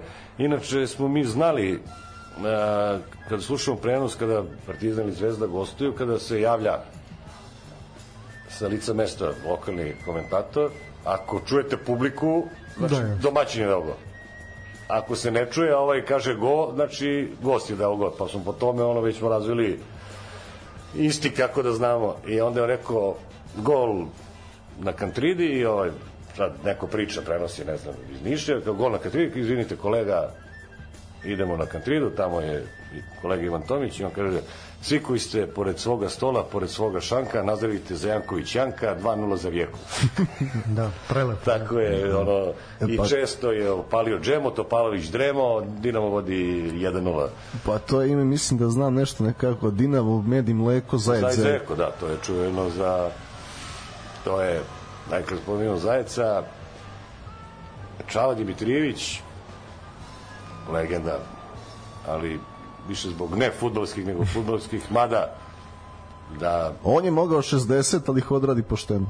Mogu, da, pa kad je igrao, on je bio na pozimici u Spartaku, trenirao sa Partizanom, a igrao utakmice za Spartak.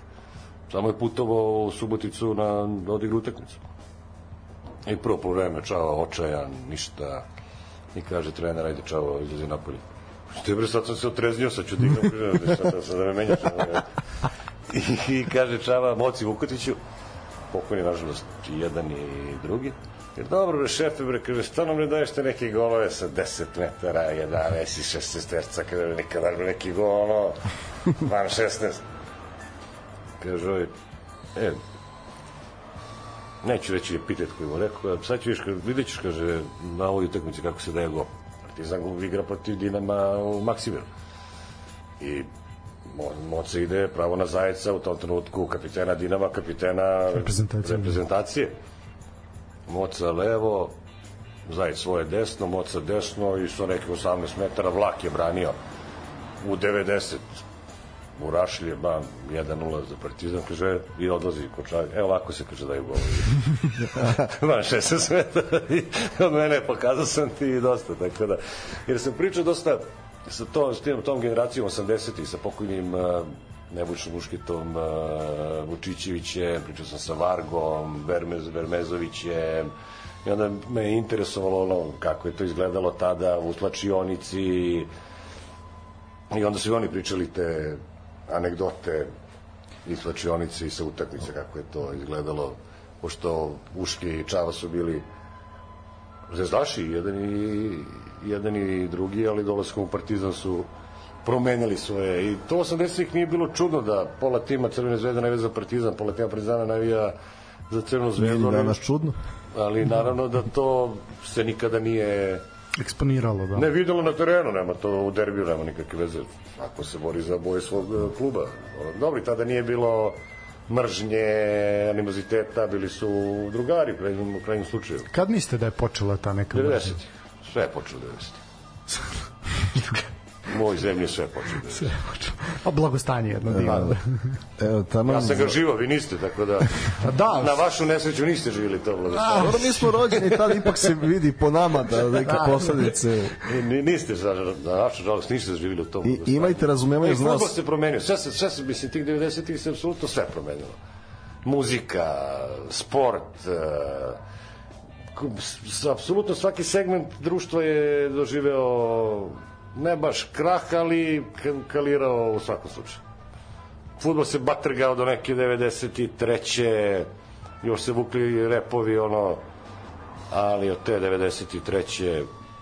to je već više jednostavno nije bilo to, to jednostavno više nije bilo ni te konkurencije nije bilo više Dinama, nije bilo više Hajduka, nije bilo više Vardara, nije bilo Olimpije, nije bilo da ne spominjem Želja, Sara, Želja Sarajevo, Čelik, em, Velež, e, mislim, bilo je toliko tih Osijek, Rijeka, Da, eto, na primjer, spominjete sad velikane, ovaj, na primjer, poput Čelika, Čelik se sad ono bori u baraž igra za ostanak u ligi, mislim, to neke, tačnije, pa evo Vardar je igrao sada baraž za ulazak da, u prvu ligu. Sloboda iz Tuzle ispala iz lige, na primjer, da, i tako.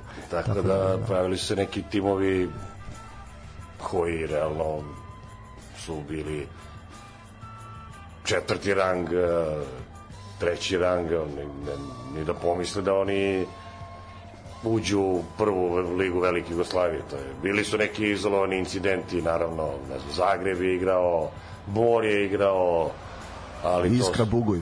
Iskra Bugojno, da, to je nešto. Ali oni nisu igrali, oni su igrali prvu ligu, ja mislim da nisu, Iskra tačnije tu ispod. je izbacila Partizan iz kupa. I jedan, jedini klub uz Hajdu koji je imao pozitivan skor protiv Zvezda u bivšoj državi. Koliko su igrali jedan put? Pa ne, mislim dve sezone. Ne znam ja, da Zvezda, Ja mislim- mislim, mislim da Zvezda ima negativni sa Dinamo. Da Zvezda ima od velike četvorke pozitivan samo sa Partizanom. Mislim, to, ja sam negde naletao na podatak za Hajduk i Iskru Buguj. Ajde, sigurno. Da, o, za Dinamo sigurno, a sam da, sam s Partizanom. Pa dobro, da li Partizan ima s neki pozitivan skor? To je moje pitanje. ovako. Igramo i sa Hajdukom. Sa, da, da, eto, pa i sa engleskim klubovima, sa Ostrava, da, je, to je, to je. Dobro, nama je odgovarala taj, taj njihov siliđiski futbol. Nama nisu odgovarali Špan, na, mislim Partizanu nisu odgovarali No, dobro, evo, evo, Dobro, a ne, ne, ne, mora, ne možete ovde da se Da, ljudi nema su, zato ne. da dođe toliko pitanja, ima, evo, baš je pitanje ovaj, omiljeni igrač Partizana iz tog perioda koji pominjete i omiljeni igrač 80. Marijere. Da, zbog koga ste zavolili Pa futbol? Moca nema šta, Mo- nema šta da se priča. Da, Moca- pretpostavio Moca, sam. Moca Vukotić, Draga Mance, to je to. Je to. E, Da li je neodlazak Moce Vukotić na svetsko prvenstvo 74. jedna od većih sramota u karijeri 74. na svetsko i generalno što nije bilo igrača Partizana, da li je to najveća sramota u karijeri Miljana Miljanića i taj lobi Zvezde i Hajduka da Miljan Miljanić je po meni kriv za propast uh, srpskog uh, futbola i u slovenskom, mislim srpskog futbola. istu rečenicu izgovorio ovde, izvinite, Lazo Bakmas, kad je sedao s. Ovaj, I to mm, ne zato što imam nešto protiv Miljana Miljanića, daleko od toga. Jednostavno do dolaska Miljana Miljanića mi smo igrali napadački futbol, mi smo bili olimpijski šampioni u futbolu, mi smo bili na drugi u Evropi, mi smo bili četvrti na svetu, mi smo srebrni bili na, na olimpijadi, znači do pojave Miljana Miljanića mi smo igrali napadački, lep uh, futbol koji pleni koji daje rezultate I stvara igrača. i stvari igrače. Dolaskom Miljana Miljanića mi smo počeli da igramo nešto što Miljan Miljanić zna šta je. Ovaj što, Pa to je Madera što- već, Što to se je- futbolom teško nazvati može. Onda je bio taj čuveni ključ, mora da igra, ne znam, ovaj, ovoliko iz Hrvatske, ovoliko iz Srbije, ovoliko iz, on, ne znam odakle, nije ni važno. Ovaj, I onda mi, nakon, do, do, mi su 74. je odlazak, uh, idemo da budemo svetski šampioni. Naravno, vraćamo se, znači, 82. sa pesmom od Granade pa do Barcelone davaćemo golove na tone. Ovaj, to je bila zvanična pesma. Znamo kako se to završilo. Znamo, ali dobro, ali... mora se spomenuti sudija Sorensen koji nas je brutalno pokrao, no, eto, to je prva sudijska krađa koju ja pamtim, imao sam 8 godina, ne, ne punih 8-7 godina. Sorensen Zajec je pravio faul, metar van 16 metara, on ga je uvukao u, unutra Pantelić brani penal, on ponavlja penal jer se Pantelić kao kretao na gol liniji, znači jednostavno, a mi smo vodili tu utakmicu 1-0, Gudelj je dao go futbaler Hajduka, odličan zadnji vezni futbaler, Čovjek koji je prekinuo karijeru zbog dijabetesa. 26. Da, godine da. zbog žutice. Da, da, nešto, da. Žutice. Ovaj, I mi smo vodili 1-0, ali Čovek su, koji prati stranicu sportskog pozdrava. Tako je. ali smo morali da izgubimo 2-1 od, i onda smo jedno dobili Honduras, taj mučini, ali na ta pobjeda protiv tih veselih Hondurašana nije, nije značilo apsolutno ništa a na primer a vamo su nas namestili Severna Irska i Španija da oni odigraju od, tako nerešeno da idu jedni i drugi iz grupe a mi i Hondurašani da se vratimo tako da eto te 82. i onda je ta 90. se pojavila kada ne ono kako veše šala reprezentacija kada se vraća sa gostovanja prvo sleti u Sarajevo da osim ostavi svoje ovaj, u Sarajevu je kao pola i želji Sarajeva igralo za reprezentaciju, a onda dolazi u Beograd. Ali eto, to je valjda ono, kao što čovjek pred smrt eh, da stola napravi najlepšu stolicu, pesnik napiše najlepšu pesmu, reprezentacija odigra svoje fantastično svetsko prvenstvo, Labudovu pesmu, ono, Pred kraj. pred kraj i raspad, raspad je usledio samo godinu i po dana Ali to se kasnije. ispostavilo dobro, oni su bili podcena. Recimo, ja nisam video gledajući snimke utakmica reprezentacije boljeg i pismenijeg e, beka kao beka koji zna da igra futbol recimo od Mirsada Baljića. Na levoj strani je bio Jar. Mirsad Baljić je fantastičan igrač bio, tako da te osim- Žvaljić, jer je stalno žvako žvako, to je, ovaj, ima nadimak Žvaljić. Ovaj. A, tako da te, Neće se mi ljutiti. eh. tako da te osim ove opcije Da, mi smo otišli tamo bez Meki Boždarevića koji je pljunuo sudio. Ovaj, tako da, ali Pričao je dobro. baš skoro bio je ovo teme do arene bio je kod vas gost Meha Baždarić pa je pričao o tome da baš Boždarević, Baždarić. Boždarević, je, da, on je pljunuo sudiju, ali dobro, onda pitanje koliko bi Pixi dobio prostora. Dejan Savićić je i dalje ljut na Ivicu Osima, jer je on presedeo na klupi nakon to svetsko prvenstvo, ako ima onu šansu protiv Argentine, koju Ja, niko nikada neće zaboraviti. I on kaže da sanje dalje tu loptu. Pa Osimov jedini starter iz Zvezde je bio Pixi. Šabanadžović je posle prešao u Zvezdu, ali, Pa Duri Pasinečki, ali ni, ali on nije starter. pa, Mislim, bar, u nekim bio je protiv ovih Pa meša, Emirata. meša, meša, osim nije on imao standardnih, ono, on je gledao po protivniku, jer mi prvu utakmicu 4-1 gubimo od Nemaca, mislimo, gotovo šta misliš, šta ima da je dalje da igra u novom svetskom prvenstvu, kad nam šlavi i- daju četiri komada. ono. E, taman, ovaj, imam pitanje za to, ovaj, moj prijatelj koji je vaša generacija, ovaj, pozivam ga ovom prilikom, on tvrdi da je e, nako zbog tih majstorstava je Sušića, Savićevića i Piksija da je Ima ih je previše. i da je, da je to neki da je protiv Nemačke izašao sastav koji je nekako narodna no, i da je onda osim rekao e sad ćete da vidite kako se igra ka- kad ja ovaj radim svoj posao Mislim da i da je onda mondijal pričao. Pa negde, da, ali mi smo, uh, mi smo u Ujedinjene Arabske Emirate dobili 1-0, nismo mi tu vele silu pa i futbolsku. Kolumbiju 1-0 isto Jozić Jozić libero koji igra u Italiji tako Da, o, Čezeni da beš, ovaj, Davor Jozić. Tako da, ono, nismo mi, ali onda kad je trebalo, mislim, ona Pixi je potez, gaženje lopte, sad ovaj, Vasquez odlazi da kupi cigarete, burek i ne znam šta je, samo još Pixi rekao, nisam baš čuo najbolje. Ovaj, svako normalno bio u onoj situaciji hvatao volej, ono, ono, je, ono je stvarno jedan od poteza koji se viđa pa jednom u životu da neko uradi to na svetskom prvenstvu da, on, ono, ono je stvarno I da još posle da I to gol. je prvi i put slobodnog udarca prvi put, da, e, posle tog slobodnog ulica sam prvi put video, na primjer, to je meni ostalo zapamćeno, posle sam pričao sa bi, niko daju mi za pravo, prvi put sam video futbolera se prekrstio. Piksi Trčići ka Osimu se prekrstio. I on je trčao ka Osimu i skoči njemu u zagrlje. Do tada to nije bilo, zemlja je bila komunistička, bratstvo, jedinstvo i onda je Piksi prvi, bar ja koga, koga sam ja video, da se prekrstio u tu prenosu i to na svetskom uh, prvenstvu i onda ta Argentina, ta utakmica koja boli svako ko je gleda ono ono je bilo, mislim, ne znam, taj pritom ta Argentina koja je pobedi Brazil 1-0 koji ih je unakazio futbalski ali Maradona kaniđe i to je to i po meni kad su stigli do finala ono se ne svira, ono nije, ono, onaj faul se ne svira kao penal u 82. minutu svetskog prvenstva, ono, ono se pušta da se ide u produžetke, a da se išlo u produžetke na penale, znamo ko je bio svetski šampion. nije teško, nije teško. Sergio Mada onaj. Breme i njegovi penali, danas sam baš s nekim pričao kao, kako su šutiraju penali, kao Breme, po zemlji u stativu. I golman je tu apsolutno Nemoć. nebit. A interesantno ono što je sad kad je e, Messi osvojio mundijal, pa je bilo paralela šta se sve poklapalo 86 i Da. sad, a interesantno je samo što je hronološki drugačije.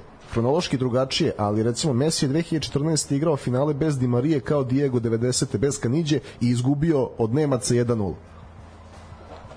Dobri Brazilci su odigli da to svetsko mesto nerešeno sa Nemcima. A, ja predlažem, ajde, još, a da stiglo je pitanje, a ovo, mislim, Dobro. da, kaže, nismo, mislim, ima i zamerke, ali mi, kao, niste se setili Veleža. Da, re, rekao, Rekao sam Velež.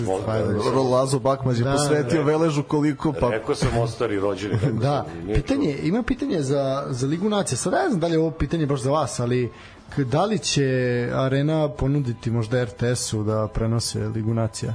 To ne znate, to nije pitanje za vas. Zaista, Da. Moj deo je samo To, pa monitor. rekao, ja triš Janko, rekao sam ti, Janko voli da čačka malo Monitor podriva. Da. mikrofon je moj deo posla. Tako, da, voli pa da dobro, podriva. zvaćemo Ivana bilo bi lepo Radulovića. Kad bi svako iz zemlji radio samo ono što je njegov posao. E, I ključno pitanje, da, to je da tim završimo romantično ovaj sećanje na to svetsko prvenstvo 90. Da li zaista ovaj mislite da je da se prošlo na te penali i to sve, da li bi to možda i cirkus malo odložilo ili smirilo? Da. Ta priča koja večito se Da, potezava. kao da ne bi se raspala Jugoslavija, da smo mi... To, da, da se ta priča večito Ne, povlači. da, osvojilo se u košarci isto 90. A dobro, nema istu težinu. Pa nema, ali Dobro, mislim. košarku, mi smo imali, košarku smo ukinuli od 70. godina, ono, to je bilo i tužno gledati šta su radili, recimo, na evropskom prvenstvu u Zagrebu. Ono, Da, to- to je totalna ono, dominacija, ono da, da. bilo Tužno gledati ove mučenike sa druge strane, ako sam ja navio naravno za, za Jugoslaviju. Mada smo i, eto, sad kad sam pitao da li bi se odložio raspad, ne bi se odložio raspad, jer evo ja sam gledajući reprezentaciju uvek nekako brojao kao, aha, ovaj je iz Srbije, 1, 2, 3, a ovaj iz Hrvatske, tako da, da se ne lažemo, evo ja priznajem, brojao sam ono Srbe u reprezentaciji, a brojao sam i ove druge koji nisu moje, znači, ovaj, mislim, ništa ne- loše ne mislim Naravno, njima, da, nego nego jednostavno voleći da bude više onih iz moje repu, tadašnje republike sa socijalističke republike. Ovaj, tako da, znaš, gledali smo mi to kao nisam baš mogao da navijam nešto punog srca za Antu Josipović u boksu. To Ante mi je bilo kao ono Ante. Nije to to. A Parlova nisam ni gledao iskreno, ni Beneša, ni Parlova. Bio sam mali, njih nisam. Pa da, da, oni su ipak malo, malo starije, starije generacije, da. Tako da, eto, da, da je onda, ne, futbol je samo bilo možda to bilo kao poslednja radost i onda kao rastemo se mi i to je i drugo je Seča ide. da, da. Tako da, eto, ono, rad raspala bi se zemlja u svakom slučaju. Šteta, bilo je sve u toj zemlji, planina, mora, reka, zaista svega je bilo, ali te gde svako ide na svoju stranu i da se mi više ne sastajemo. Probali smo dva puta, nije išlo. Da, to je odgovor od- na regionalnu ligu, je, odmah ste dali. Ne, može regionalno, zašto da ne? Pa ako može ABA, što ne može, mislim... A dobro, evo sad ajde možemo i sa Abom. Videli ste, Zvezda je rekla da neće da igra ABA ligu dok ne završi KLS. Malo to sad, da li je to kraj, početak kraja ABA lige sad, eto, ovi sad neće, Partizan neće da igra KLS, Zvezda Ne, sad pa neće da se igra. nije oglašavao. Pa dobro, nisu prijavili, nema ih, nisu prijavili ekipu, mislim. Ne, nije se oglašavao po, povodom, Ne, povodom ovoga, da. Povodom ABA lige, to kaže, nisu... Uvek je bolje da ostaje ne, Milović. Nisu prijavili, nisu zaka, za, zakasnili su se prijavu. Da. A oni su zakasnili se To prijavu. još znači nisu se prijavili. Znaš kao, Da. Pa ne, ali dobro, ima tu neke simbolike, pošto kad je Partizan držao do domaće lige, Zvezda je trčala u oba ligu, pa sad oni hoće da izlaze prvi, ovaj, isto... Partizan je bio ucenjen da igra... I oni Hemofa. Da hteli, budemo da. pošteni prema vršcu i Hemofa. Da, da, da, da, oni su bili ucenjeni da, da igraju oba ligu. Mislim da je tada Divac i napustio Jeste. Partizan jer je rekao da ne, ne želi to da, da radi, a jednostavno drugčije nije, nije moglo da se izrazi i ide u Evropu. To je jedini, tako je napravljeno da je to jedini izlaz u Evropu i onda je moralo da, da, da, da se radi. Ali dobro, šta da se radi? Mislim, nama ne treba niko, sami ćemo mi sebi da, da iskopamo jednu lepu jamu, nema nikakav problem, nikad bio šta. O, Ima- Tako da eto, da ne bude dosadno, sad ćemo vidimo da će biti ABA lige, neće biti ABA lige, hoćemo da igramo ABA ligu, nećemo da igramo ABA ligu. E, imamo Bilo i je to pitanja. 98. Ako se ne varam, FNP nije hteo da izađe na majstoricu Partizanu i to se nije znamo do posljednjeg trenutka, onda su izašli Partizan ispao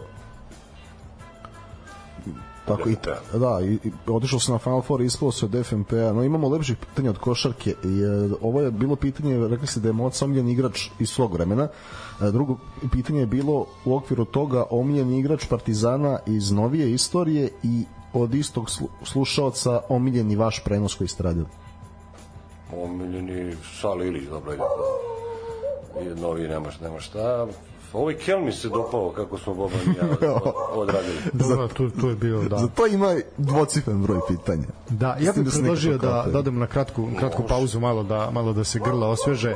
A, po želji našeg, našeg gosta slušamo a, Taste Rap, pustit ćemo dve peste pošto su izuzetno kratke, tako da ovaj stignemo malo da odmorimo, tako da slušamo Ateiste i za neka 4 minuta se vraćamo u program. Četvrta je Botswana za koju nastupa Mao Toan. Mota Mao Toan, no, u kako ima i prezime. Baš bih volio čuti stranice kako bi ovo izvodio.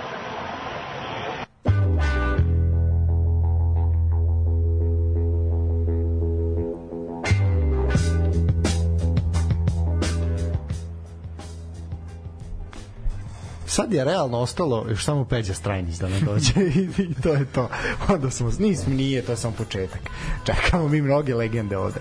A, ništa, narode, nastavljamo razgovor a, sa našim dragim Sašom i nas dvojica smo tu večito prisutni. Ja ću samo još jedan put, pošto stižu poruke, meni lično koji je broj telefona, znači još jedan put 0656 3 jedinice 073 ovaj rešetajte nas evo mi stojimo postojano kano klisurine ovaj Ja Nikola držim čas.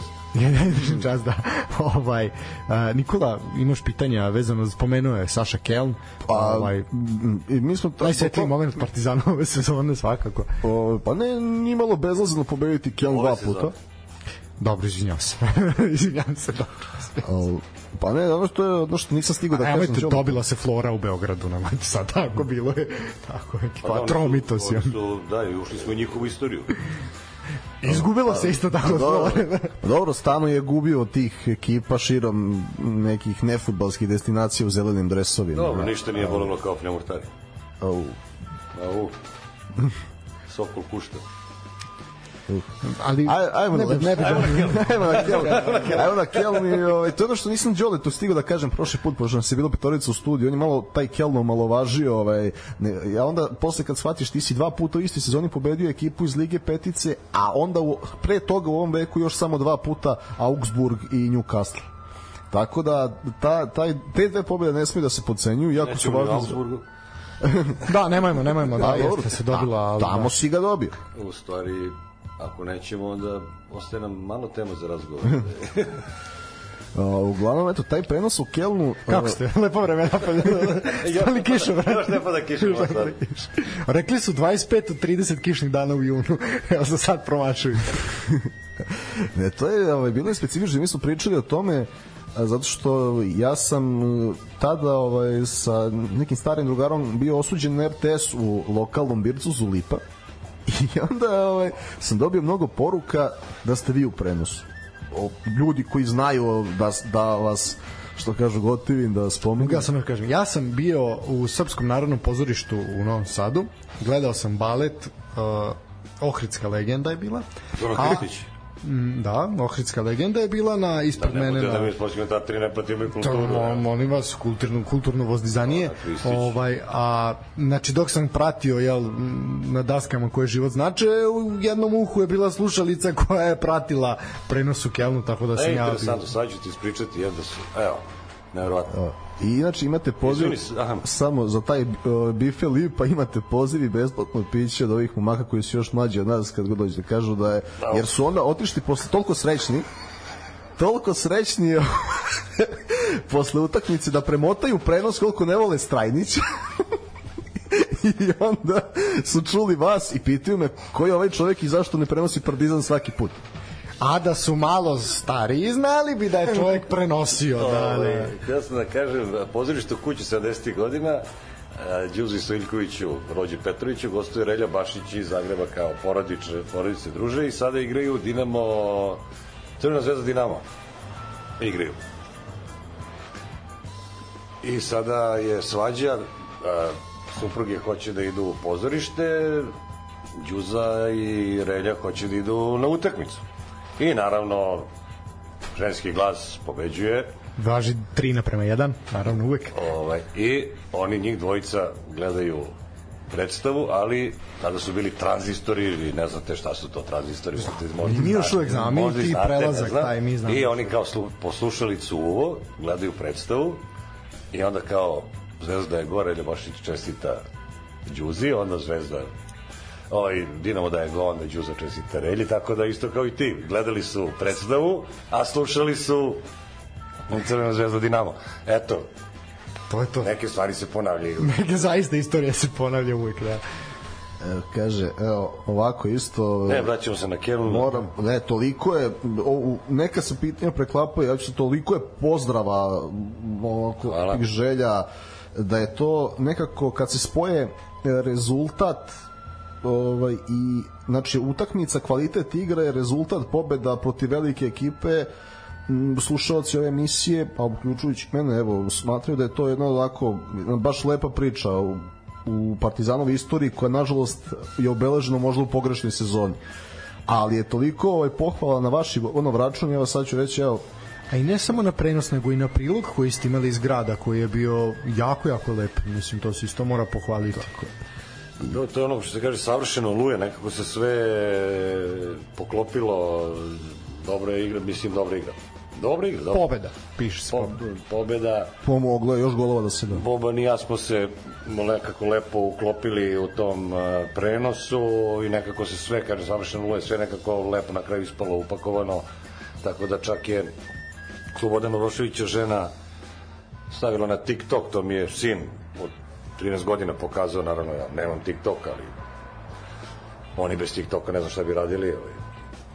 I onda ja sam rekao u jednom trenutku nešto je bilo pred kraj utakmice, Urošević eh, je povređen hramlje, nije hteo da, da legne, ono da mu se ukazuje pomoć, ja sam rekao tako se ponaša kapiten eh, Partizana, nema padanja, nema ležanja, nema medicinske pomoći, igra se do kraja, ono nećemo da dugo ovlačimo i njegova supruga je to stavila na TikTok, ono i naravno sin mi je pustio, ja nikad to ne bi saznao da da mi sin nije pustio, eto, tako da i njegova žena to stavila kao. Teo sam da kažem i nikad ni, nikad nemoj da legneš pred Nemce, ali bilo bi malo malo previše. Malo bi, malo bi se protumačilo. da, da, da.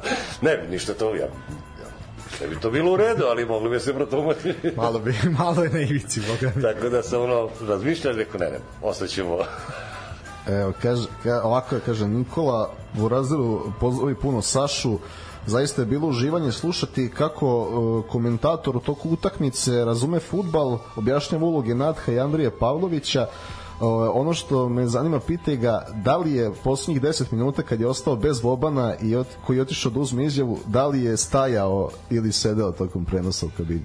Nisam, sedeo sam pa da, ja, nije kabina, to je interesantno, to je sto na, na tribini. Otvoreno, nema, nema, nema kabine. Pa ja sam rekao u tom prenosu, Kelna ne, bi dao go na ovoj utakmici, tamo da Rajna počne da teče uzvod. Da, da, da, to je da, bilo tipa. da, li, da li bi... Pa jednostavno kad e, odgledaš, odradiš toliko utakmica, jednostavno možeš da ne se sigurniš, naravno da tvrdiš, ali možeš da pretpostaviš e, u kom smeru će ići utakmica. Kad jedna ekipa kao Keln promaši onakve šanse, tu gola tu gola nema. Da, igra. I oni su, oni, oni su trebali da budu kažnjeni imao je Andrade imao onu sjajnu šansu Pa ja sam, se- e, nakon te sam se plašio jedan na izjednačenja. jedan, ono, ono je moralo da bude go, tako da oni su mogli da budu kažnjeni, moglo je to da bude i ubedljivije, ali dobro. Ja kažem, I Švebe je ludački branio, ono, Pavlović. je, jeste ono Pavlović se odbranio, da, tačno, tačno, tačno tako. Ali dobro, ono, ka, I Menigu, ono. kako je rekao, najteže je prenositi tim za koji navijaš. Da li je zaista, ili ipak najslađe? Naj, naj, najteže. Ali delovalo je nekako... Da, nekako išlo kao ladna voda, da, onako sve klizilo, ne, ono, da kažem. Pa dobro, sad to je već iskustvo i automatizam u kom smo pričali, jel? Da, jeste, da, i kažem, Boban ja smo se lepo uklopili, ona, onako, i sve, ne kažem, bilo, i tako da taj prenos baš ću zapamtiti, a i Boga mi, posle, Boban mi je rekao, ja nemam te društvene mreže, ja kažem, ja sam čovek starog kova, ovaj, ja pamtim od Danka Stojakovića. I onda je Boba rekao da i na društvenim mrežama bilo kao da smo dobro odradili prenos, da su ono da, da su ljudi ono pisali, pričali. A dobro. Ali to je, sad to je bilo... Pa dobro zbog toga i radimo taj posao da bi radili. Apsolutno. Ma ne, bio je, bio je čak neki tweet da ste bili igrač utakmice. Pa dobro, u ovoj sezoni Boga mi nije bilo teško da ja nešto kažem. Nije bilo teško, baš nije neka konkurencija. Ali utoliko više bih postavio pitanje svim igračima Partizana koji mogu da ne prime 180 minuta gola u Bundesligaši i onda posle u domaćoj ligi rade to što rade. Pa nije samo Keln, Nicu, su- Nica je odigrana isto... Da, fantastično. Isto je Nica odigrana ono, da je bilo vara u nazornoj obali. I ovde one šanse za 2-1 nekoliko. Pa da, A ali dobro, eto, nemojte vi da pocenjujete mladost Gat. Mladost Gat dođe, da četiri komada i ode, ispadne iz lige, mislim. Ja Ali, sam u Novom Sadu, da, da, da, da, da pocenjujem tim iz ovog grada. Nemojte Gat da pocenjujete. Dođe ljudi, pokažu kako Pa si ne, eto kako jedna utakmica preokrene celu sezonu i kako iz jedne priče koja had, lepa, Pristojna. simpatična. Pristojna. simpatična, da, se ode u takav ono Ambis. ambis da je to ni ono ni kranska kuka te ne vadi ono Jer- kao što kao što i nije ni izvodio ovaj jer to je neverovatno a i pritom i na toj utakmici si ti treba da vodiš 2:0 već u nekom 15. minutu i da si sve završio I taj šerif nije mogao s igračem više da ti da gol. Ma, I onda- Ne, ne, to je, to je kad ono, dobro, Mahabi petak tikva, mislim, Pa, čuli smo razne verzije šta se tu svi smo čuli razne vezi. Ali dobro, to je, to, je, to je tako uvek kad je Žarko Zečević u pitanju. Ove, ali eto, ta sezona Partizana sad, e, šta, šta je u suštini, sad kad gledamo, e, ti si prošao grupu Ligi konferencija koja je po kvalitetu grupa Lige Evrope, ajde, ok, nisi prvi, bio si drugi sa nekih osam bodova u nekom momentu što Da li nije si do posljednjeg previše. trenutka imao šansu da budeš I prvi, i prvi? I onda, eto, taj jedan revanš sa šerifom okrene sezonu da završiš četvrti. To, te, e, te amplitude u Partizanu mi nikad nisu bile jasne kako se dese da jedan meč toliko puta, ali ja mislim da znam jedno deset sezona koji je okrenuo jedan meč. Evo vi, verovatno znate i više Psihologija. od mene. Pa ima to i do samopouzdanja. Pa, psihologija. psih- Pa to, psihologija, ima to jednostavno se raspadne sve u jednom trenutku, ono, ako je nešto bilo zalepljeno, pa se držalo onako klimo je to onda baš se raspara, puca, odlba i onda teško je to posle, posle teško vratiti igrača. Ako je neko bio za igrače e, pedagog, e, to je svakako Petrić koji je ono svojim pristupom, mirnoćom, a, uspevao da, da, da smiri ekipu i sve, kad on više tu ništa nije mogao i onda I, on, I za to ima pitanje. E, baš za vas, u stvari za sve nas, ali eto da, da govorimo, pitanje je da li je, ovaj, pošto je Petrić nije radio letnje pripremanje, preuzeo ekipu i smirio je u toku sezone i mišljenje slušalaca je takvo da s- obzirom na to da je bila pauza dugačka oko koliko skoro dva i po Da, meseca svetskog, da. da neko ko inače nije trener je trebao sam da ode i da se dovede trener da za dva i po meseca spremi ekipu za prolećni deo. Trebo je, a nije, mislim, šta. Da li mislite da je posle toga pa, Petrić ka- zašto da ode neko koji je uspešan E, pa to je sad... Da. To je sad... Na osnovu čega da ode?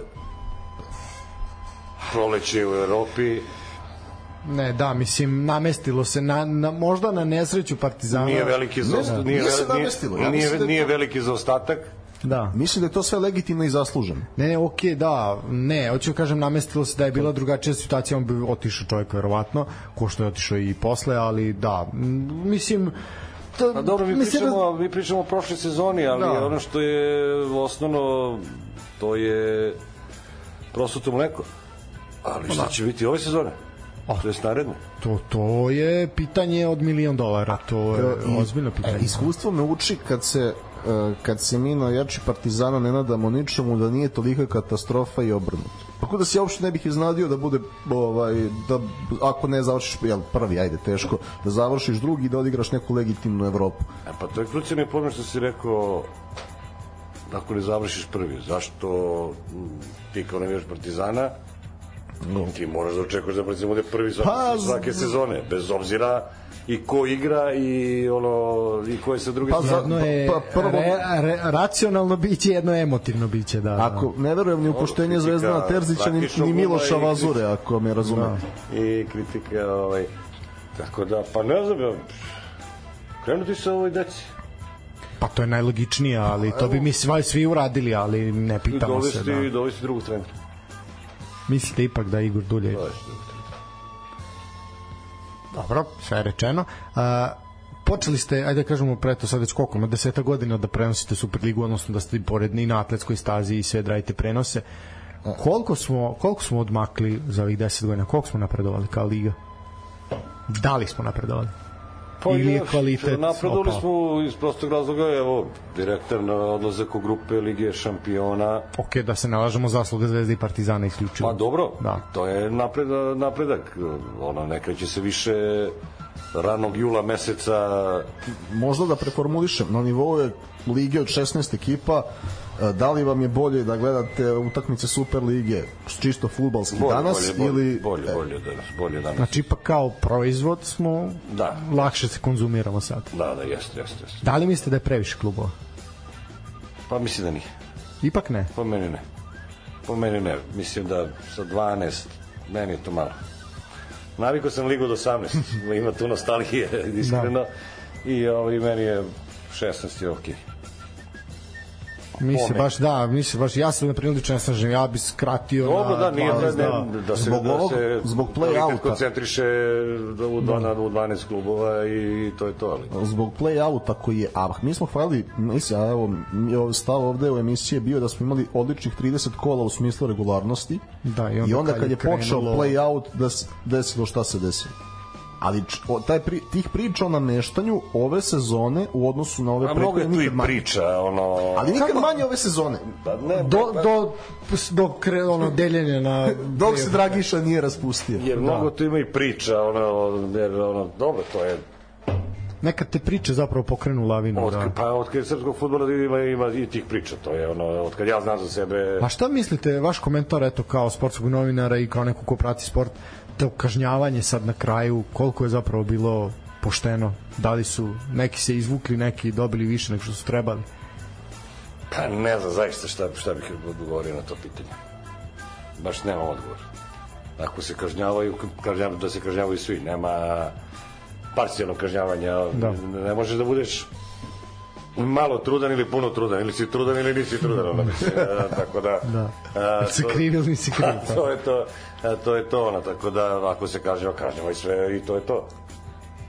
A rekli ste da je eto ajde kvalitet na većem nivou da je to bolje, da eto nadamo Jeste, se da će svakako. biti gledljivije malo i i ne samo gledljivije nego da će biti uslovi malo bolji ipak da da se ode na taj stadion i sve. A, kako komentarišete ove odluke da Čukarički igra u Loznici, da sad vidiš mislim su to Crvena zvezda će igrati u Loznici. sad i oni će pa svi će igrati u Loznici. ne, se jer meni je sta, meni je teren ovaj podlogu, jel? Zbog toga. ruši se stadion ceo, koliko ja znam. Mi smo imamo informaciju da će samo teren menjati. Ja koliko znam da će ceo stadion ovde se pravi i da će se pomeriti malo niže ka. Da ne bude u rupi. Da. Ne znam kako će izgledati, da, ja, sam, ali ja koliko znam i da će Zvezda, da Zvezda bira da li Loznica ili, ili Leskovac. A ne, pa, pa to, to, meni su fantastične te licitacije što se ispaće svi ono superligaši igrati u Losnici ili u Leskovcu, ono će iko ostati Ne, na svojim Partizan će terenu. igrati na Juna. Da. To je na stadionu Partizana. Da. Ja i dalje govorim i na, na Pa I mi, ostalo i mi da. govorimo. Da. Da, i tako da, jer taj stadion možeš na 100 godina, što nije ono mator. Beton je to dobro saliven, da. Vojska je to pravila. Vojska je to brutalizam sovjetski je to radio, to je. to je vojska pravila, tu nema uložene armature i armature. Pa dobro, ne, jedan bivši član uprave koji voli tako da, da gostuje ovaj, po televizijama i podcastima je rekao što mi da pravimo novi stadion kad je naš stadion pravljen u vreme kad se radilo dobro, nama treba samo rekonstrukcija. Pa dobro, i to je istina. dobro, da. I to je istina.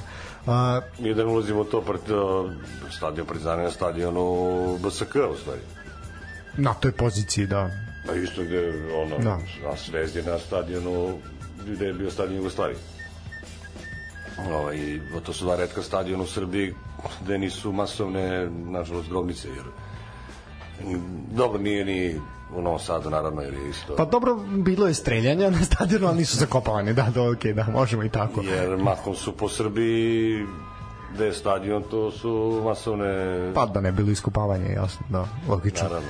A, kako komentarišete nagrade? Superliga je dodelila nagrade dodeljenja za najboljeg mladog igrača, najboljeg trenera i najboljeg igrača. Eraković je dobio za titulu najboljeg mladog igrača, Miloš Milović kao najbolji trener ligi, a Saša Jovanović je to igrač TSC kao najbolji igrač lige. Da li su nagrade zaslužene, opravdane? Pa dobro, Milović je opravdavao i rezultati. A da li je zaista najbolji trener ligi? Nema šta se priča. Mada, na primjer, u premier ligi se ne radi tako, nego se gleda ono ko je napravio najveći napredak sa jednim... Ko je po vama najbolji trener ligi? Ove sezone, recimo, da, Da, da, da, da. Žarko Lazić. Žarko Lazić. A ove druge dve kategorije? Pa što za ove druge dve, najbolji futbaler lige, pa,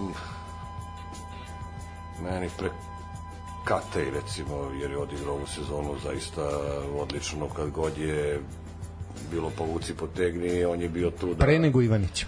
Hm? Pre nego Ivanić. Pa, tu sam se dvomio ja između njih e, dvojice, ali eto, odlučio sam se za Katija možda zbog većeg broja postignutih e, pogoda. Dobro. A za mlade igrače, e, to je baš teško pitanje. Pa mislim, ova nagrada Erakoviću Pa dobro, da je malo reprezentacija, zicar, da. da. Zicar, Da, ali. Ali Ali koje su, koje su opcije? Eraković, Ratkov, u Partizanu su svi podbacili. Znaš kako, ok, ne možeš dati i Ratko, malo je, malo je Superliga napravila i najboljih Ne 11. može i se- Jovanović i- Ne može i Jovanović i Ratkov, da. A opet, Primer, Čukarički ima dosta dobrih e, mladih e, futbolera. apsolutno, to je... Čukarić e, zaista dobro i lepo radi kombinacija iskusnih i mladih. e, U krajnjem slučaju vidi se rezultati. E, Žarko Lazitić ima kontinuitet, Joksimović u Kragovicu kontinuitet, e, vide se i rezultati u Čukaričkom, Kerkeza, da. Kerkez takođe, tako da, da to je ono što ta čuvena priča ne mogu da promenim Anansu Dolera, mogu da promenim e, trenera, da mislim, šta to znači, ako ćemo da menjamo trenere, mislim, koliko je promenila radnički, koliko promenio trenera, pa četiri trenera, pa su jedva... Pa sad ne znam, je li pet i sad ovo što su Šarca smenili, ovaj, ako se Ovaj, računaju Đorđević, Baraš, da. Vladimir Đorđević. Ovaj, tako da, da su jedno ostali u ligi. Uz kao, I šta su promenili sa promenama trenera? Ništa. Ništa. Apsolutno. Tako da, pustite čoveka, ono, pričao sam, eh, kad smo dolazili, stolice je smenjen, dobro, okej. Ali čovjek nije imao ni priliku da tu svoju ideju sprovede u delo. To njegov napad kreće od, od golmana, golman halfovima, halfovi na krila. Ko zna kako bi to izgledalo u maju mesecu. Rezultati, mislim, gori da budu. ne vidim kako bi bili. Da. ne, ne, a možda bi Partizan igrao neki dopadljiv, eh, lep futbol koji bi mogo da se gleda, recimo. Ili da se da se stvo, da bude ekonomski održiv tim, da odnosno naredne, vrednost i da igrača naredne da se sezone to bude naravno još bolje, ali Bolje, da. A, izdvojeni su kao najveći, da kažemo, minusi, odnosno neki najgori trenuci ovaj, u Superligi Srbije i nešto što je obeležilo to kao minuse, a posle imamo i neke pozitivne momente, pa bismo mi to malo pretečali i prokomentarisali. Ono što je svakako da je Nenad Lavatović prvi put ispao iz lige. Izvini. E, Nenad Lavatović prvi put ispao iz lige, Da, to je prvi kao jedan njegov od... tim eh, ispao, izvini. pa dobro, zakon velikih brojeva. Morao je da. ali je isti vikend prvi put uh, Nenad Olerdes. Sem i Nenad Latović. Isti vikend prvi put jedan i drugi. Kraj. Dobro, to je to. Da li, ovaj, ajde sad, vi ste novinar po struci, mislim, ajde, po- zaposleni ste kao novinar, ovaj, kako vama taj nastup Nenada Olatovića deluje? Da li je to, mi smo to da je, imamo, imamo fenomen, taj sindrom Nenada Olatovića, kako god nazovite to, se bavimo tom temom, A, da li je to Šest meseci zabrane voljenja. No, ovo niko nije rekao se onaj. Da li zaista ovaj malo sad ga sad ga reputacija malo stiže, ovaj sad već ima problema. Pa dobro, on je Ovaj, na, sam je napravio... Tu, Sebi problem. Pa sam je napravio... tu A da li ima tu malo, a kad je to radio Duško Vojošević, onda je bilo Duško skida teret sa igrača, preuzima sebe kad je bilo nekih momenata sa sudijama i tako dalje.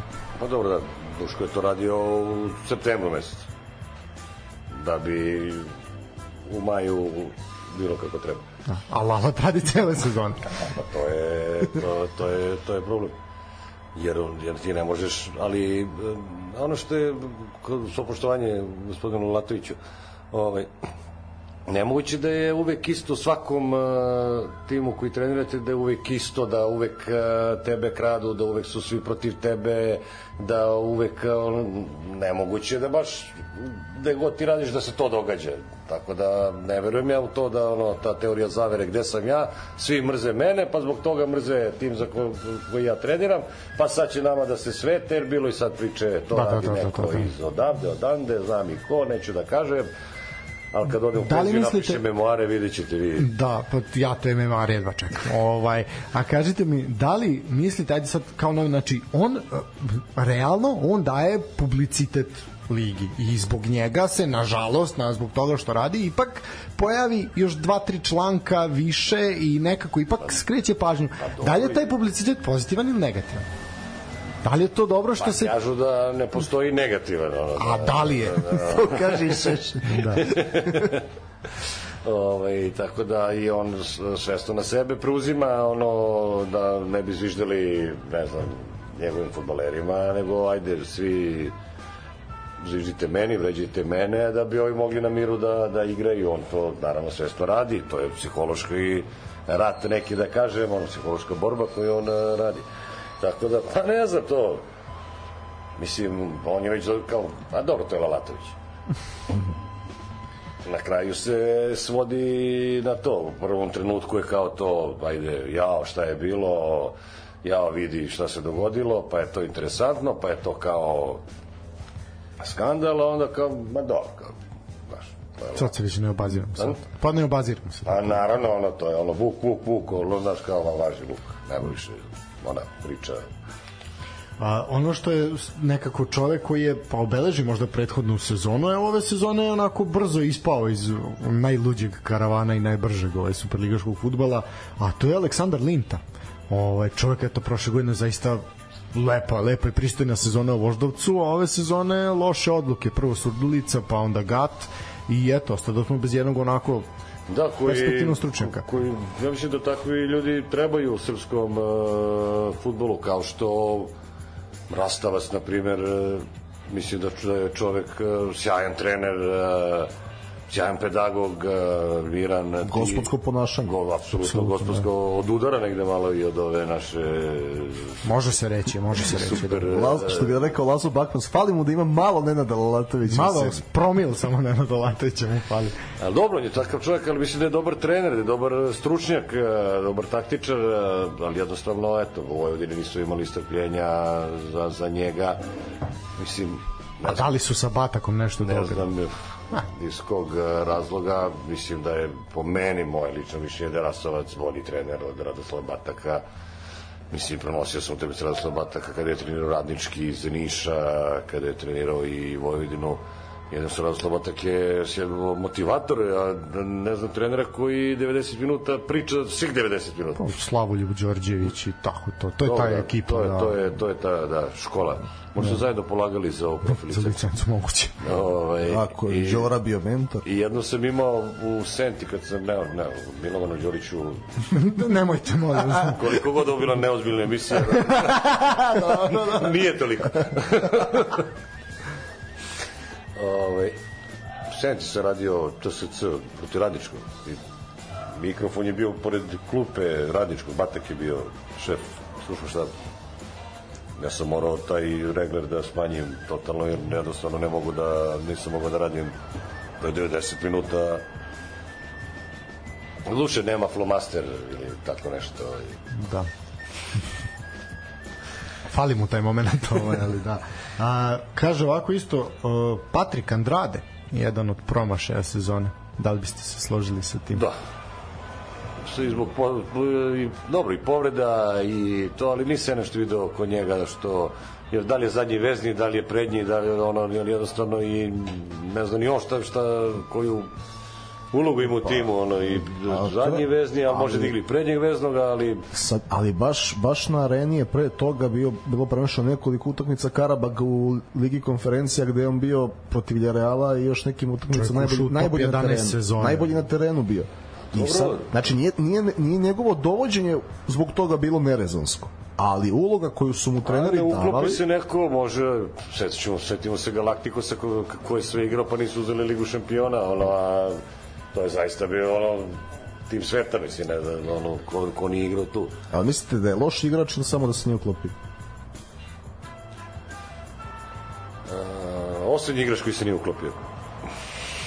Diplomatski. Kaže, Pazarovo samoubistvo. Pazar je ba, takav, to je, to je tolik, takav žal i to je, to je tuga da, što će ostati neiskorišteno. Imali su tako lepu to šansu. To je sociološka priča, to je priča koja ima veze sa fut, mislim, sve je krenulo od Kljajića i onda je no. odatle se sve su, a to nema veze sa, apsolutno sa, sa futbolom. Trener koji je bio u Novom pazaru, krenuo auto i... Da, Feđa Dudić, da. I vratio se nazad, neću ja da, znači, to mi nije jasno, znači, vi njega igrate najbolju sezonu od svog osnivanja, bez daljeg. I sad se pojavite u nekih 10, ne znam koliko, ajde, 4-5 idiota, koji ti okrenu celu sezonu naopako zato što si ti, ne znam, veliki ovaj, onaj, neću ni, ono, ni, ni, ni, nije ni važno šta, šamaraš tu nekoga, samo zato što on se ne preziva isto kao ti, pa mislim, čekaj bre čovječe, da li si ti normalan, ono... A Kljajić u tom momentu drugi golman ligi, po ocenama. Da, bo, taj Kljajić koji Ima, ima sezonu karijere, on nije tako branio Partizan. Koji je doživeo, mislim, pa, pa, porodio se mentalno nakon svega što je u Partizanu, što nije mogo da iznese taj teret. Gledali smo ga u Partizanu, njegova odbrana slobodnog udarca protiv Atleti Bilbao, znači ono se ja mislim izučava ne, kako ne reflektor u Atini kako ne treba da se brani, mislim to je da. znaš, da je to nekim akademija su sigurno da ima ono ovako se ne brani slobodan udarac, ono, je 10 i 10 i zid, mislim, to je nešto osnovno, koliko jedan i jedan, pa sad čeka, ja ću da mislim da bude 4, ovaj. pa ne, ne može, da će da bude, ono, a malo lopta će da bude za tebe. Ume. ovaj.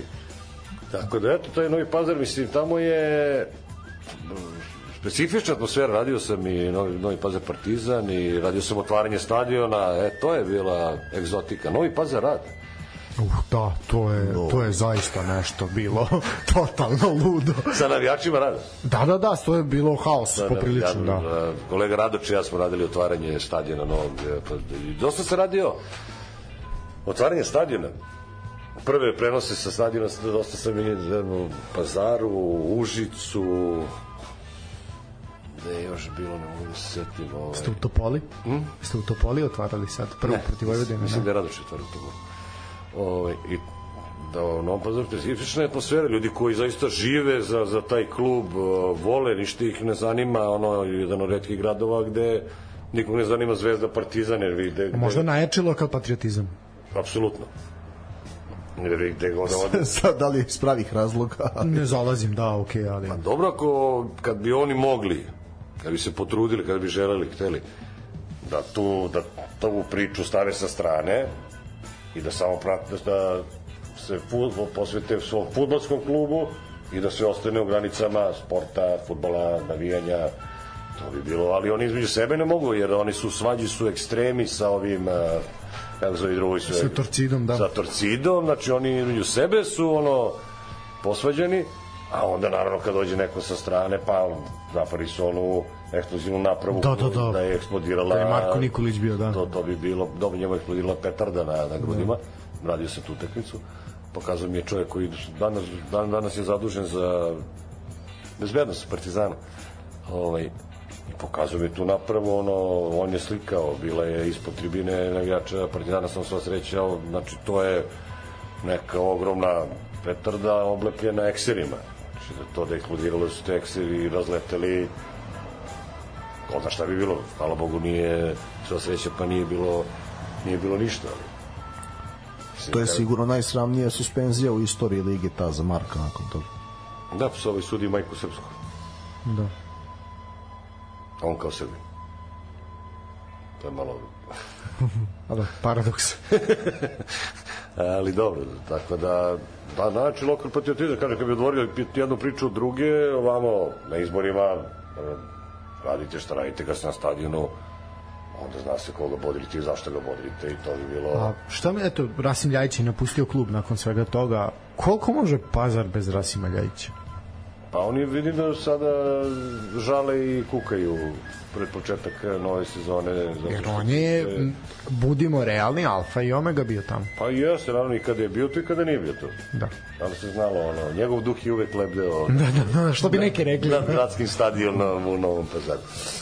Ovaj, Tako da vidjet ćemo, pa dobri ljudi odustaju, ono, vi koji bi dali novac, ono, kao što, što, meni treba negativna reklama, ono, da, da, da se kao, znaš, novi, pa, pa ja, ja ovo ime kao sponsor, pa neću, kao, što, ja imam razgledan posao, hoću da trgujem sa svima, ne, ali to, to su ekstremi, ne zove se džabe navijačka grupa, ekstremi, stvarno su ekstremi, mislim, koji su sami sebi ocekli, ono, nogu, ono, to, to je to, imamo si sve lepu priču, ne može se pobedi niko, oni su imali neki niz fantastičan, fantastičan bez poraza, sve išlo kako treba, ok, tu smo, možda stignemo u Vojvodinu, nisu, nisu bili daleko ni od Partizana, ni od, Da. ni od Vojvodine, tamo kad dođeš, dođe 5000 navijača, uka buka, teško je igrati, teren onako nije baš hibridan, ovaj, i ti onda samo jednim jednom glupošću, jednom, jednom ono, ono, ne znam kako bi nazvao, ajde da, da ne bude glupost, neću dalje da sve okreneš na glavačke, sve propadne, sve odlazi i onda posle nisu ni pobedili nikog do kraja Da, prvenstva. rekreativno je bilo. Da, Da, da Držali bi se u svakoj utakmici dok ne prije prvi gol, kad prime prvi gol, to se više nikog nisu ni, ni pobedili. Tako je, tako je, tako je. A, I najveći, definitivno najveće razočarenje, a to je i minus i svega i naj, nekako najgori utisak svemu je ta Kolubara u Lazarevcu. Šta se tamo desilo, šta je tu sve bilo, da li je to tako, nije tako? Kolubaru sam često radio dok su igrali prvu ligu dok se borili za ulazak. Kako smo Boban Stefanović i ja pošto on je sa Uba pa mu je blizu da da dođe do Lazarevca ja sam eto ono pobegao tražio sam da radim prvu ligu Srbije da ne bi radio drugu francusku ligu Što je vrlo fair zamena, da budem iskren. ovaj, bolje kad se smara se smara sa svojima nego sa galskim petlima ovaj, mada tamo najmanje ima galskih petlova na vezi i onda se radio i bilo lepo, igrali su ono lepo, lep futbol, ono baš bilo mi je stalo. Sad, šta je od toga istina? Da li je istina? To niko, ja mislim, nikad ne može da sazna. Neće nikad nikom saznati. Jer to je pa rekla, morate neko da kaznimo, aha, da. eci, peci, peci, aha, kolubara. Oni nisu niči, nemaju leđa, njih ćemo. A kažem, veci, peci, pet, da. koga ćemo... Klubar, mo, može, može klubar, evo, klubara, vi ste kaženi, šta oni da radi sad, ništa. A igrali su lep futbol, oni ne bi ispali nikako, oni bi bili gore, tako da... Oni njihov... Posebno jesen. Da, oni su, oni su njihov, mislim, ja sam bio tamo gost, jel, kao polaznik Arena Akademije, imao sam zadatak napravim intervju sa nekim, ja sam otišao da intervjušem Antu Vukušića. Ovaj, otišao sam u Da, Lazarevac. i- interesantno, igraš u Lazarevcu kao... Da, a pritom ono interesantna karijera. I oni su rekli da je njima cilj bio Evropa. Jedini koji su pobedili Novi Pazar u tom nizu nepobedivosti bila Kolubara.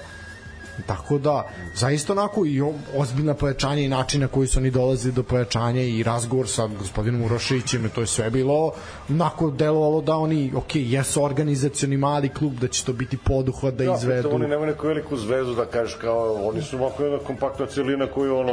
Pa dobro, najveći, najveći znalac sa loptom je tu Mali Milojević, ovo su sve I posle Uroš Đuranović koji se... Uroš Đuranović koji je došao da pomogne ajde, Sadiković, Mehmet Ćosić, Ante Dobro, ali- su to ipak igrači Mislim da su ozbiljni. više bili kompaktna celina da su ono... Naravno, nije bilo individualno kako to, da, tako je, tako je, da. Da, to sam mislio da su ono bili baš celina, lepo su igrali, prebrinuli brige oko opstanka, znači ono, volelo ih, mislim,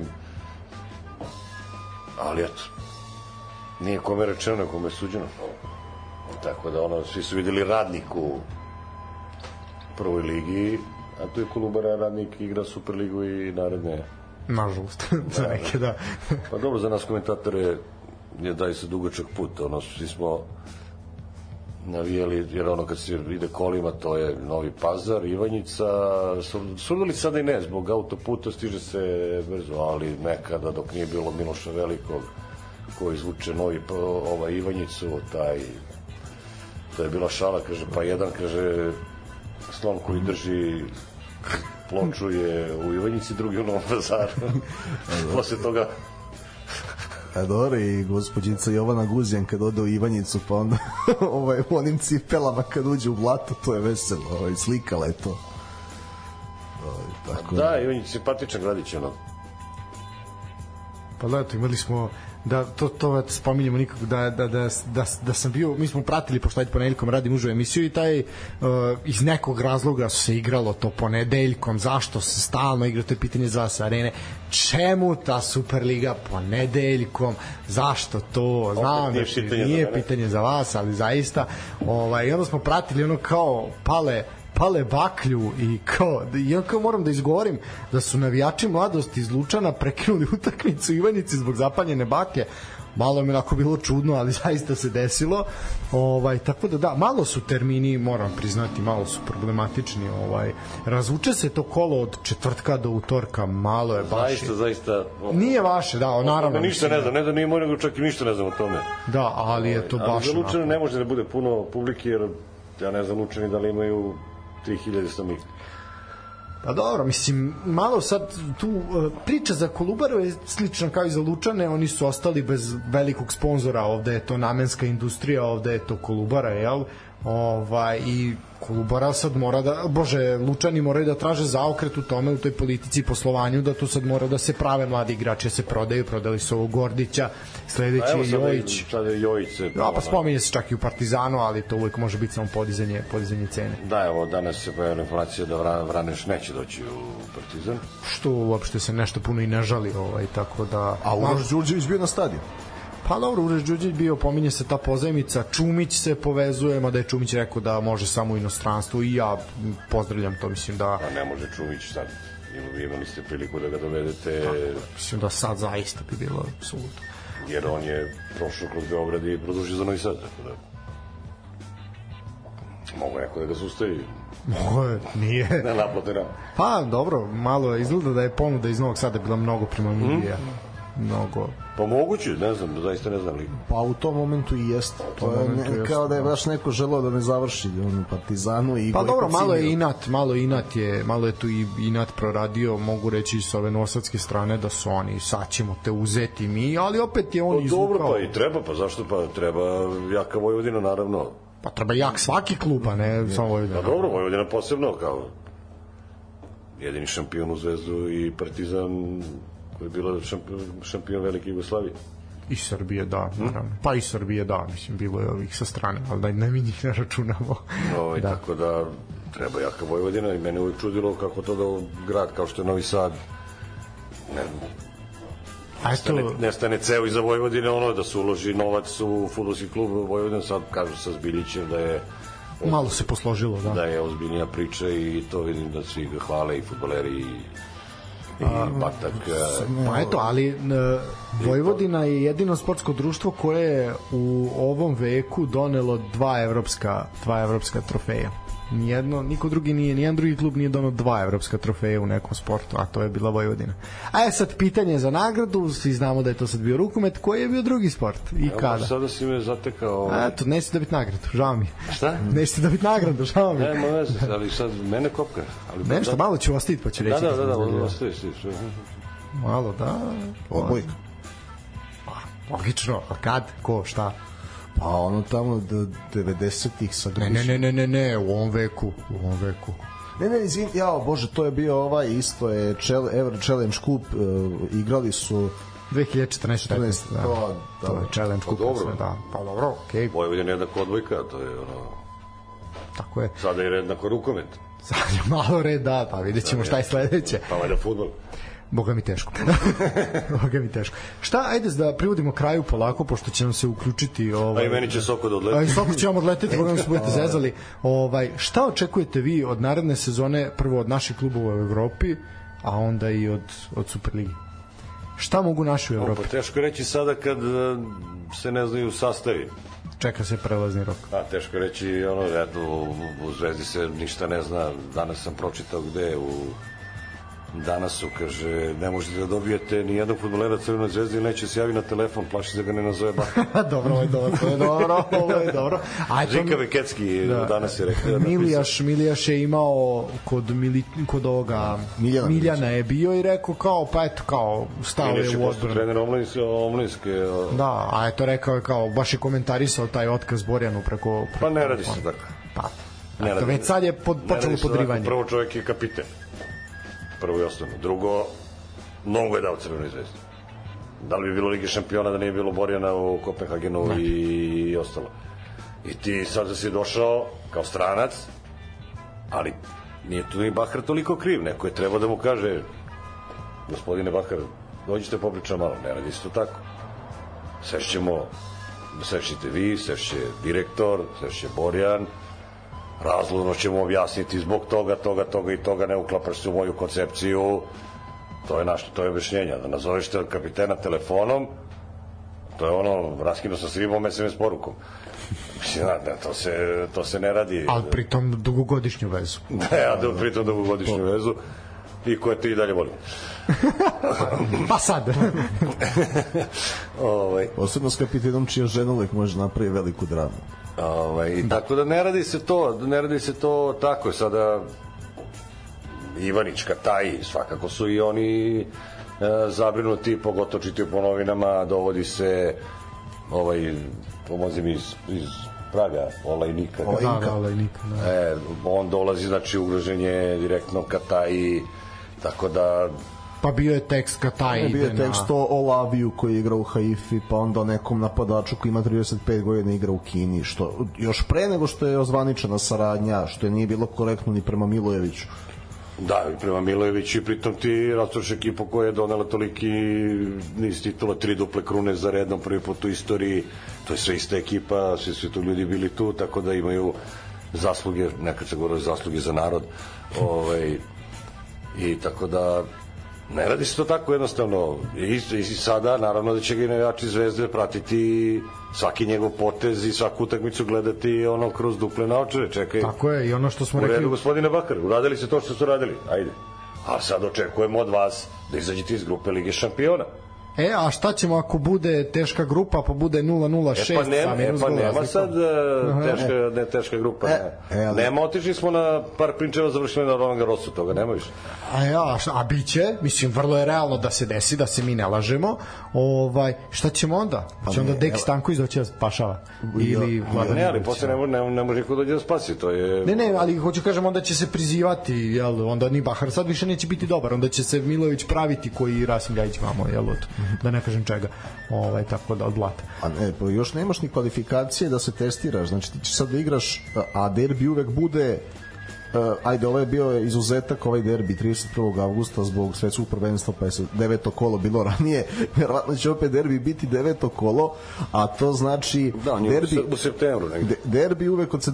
do 20. septembra i posle prvog meča uh, u Evropi. Da li Lige šampiona, Lige Evrope ili konferencije ko šta igra. I sad u četiri dana ćeš imati prva dva ozbiljnija testa u sezoni, možda. Vidjet ćemo kako će se spreme ostale ekipe Super Lige i u ta četiri dana može Bahar u sezona da ode gore ili u nepovrat. A ima, pa evo poslednja vest, evo, zvanično u FSS objavio u svojim spisima radnički iz Kragujevca sledeće sezone igra u Gornjem Milanovcu, morali su da pristanu na cenu od 130.000 eura po, po meču. To je sad evo objav Janko je poslao upravo naš dragi Janko je poslao da je znači zvanično FSS objavio To je, da će tako biti. Jel, jel, jel, Pa znači, da li će neko igrati na svom stadionu na narednje sezoni? Pa to je moje pitanje, ono kad krenula licitacija, ovi su krenuli ali odakle radničkom toliki novac? tolike pare. Ajde ti to meni Ja, objasni. pa da ugase klub. Da se za, sada prodaju... Znaš li koliko je to utak, znači ima koliko 15 utakmica, evo recimo, ovaj Kao domaćini. kao domaćini plus su posle play Plus play, sedam. play out, da. 22. Ovaj puta 130. Puta 13. Super. Metalac naredne godine, ako ne bude igrao grupnu fazu Lige A pravi se Evrope, stadion. Pa Dra Dragulj Vukadinović može napraviti još jedan stadion.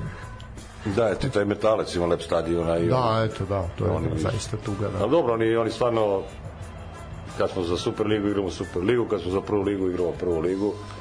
Da, oni, oni, Oni bilo- zaista nisu ni, nikad nikakvi repovi se ne vuku On, oni su klub njih. koji, ako ima, nebitno da li je plata u tom momentu prosečna u klubu 300 ili 3000 evra, ali oni plati igrače redovno, to sam čuo Metalcu. Tamo ne Pa ne, kažem tamo i u Voždovcu i na Banovom brdu ne kasne plate. Ne, i ono što sam Pa pričao, Topoli. dobro Da, za da. TSC što će igrati grupnu fazu jednog od dva takmičenja. Ovaj, da, Pa, Ligi Evrope.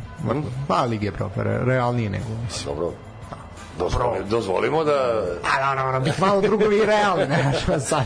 ovaj, da se izmere sa ono, jer to ono, radnič ispada od gzire, ovaj, ali to su dve utakmice, ovo ovde ćeš imati ono, šest utakmica, pa ono, imaš pravo i na popravni, i tako da super za TSC, drago mi što će igrati grupu, što je zdrava atmosfera tamo, lep stadion, Na, biće pun, naravno, pretpostavljam da će biti pun Biće sigurno. biće, biće, biće pun stadion, tako da to mi je baš e, drago što će TSC igrati. Nadam se da će i Čokarički i Konačno preskočiti to. i ovaj četvrti klub se nadam da će igrati neku grupnu fazu. Pa ja se ne bih iznao ni petom, jer smo pričali o tom putu da Vojvodina može da iz, do, dobije relativno lak žreb iako nije nosilac u drugom kolu pa da preuzme, mest, e, preuzme poziciju nosioca u trećem i onda u četvrtom šta ti Bog da. Znaš kako, evo ja ću reći nešto ovako, možda će zvučati pesimistično, ali iako to nisam, ovaj, ali zaista je čaša nekad polu prazna,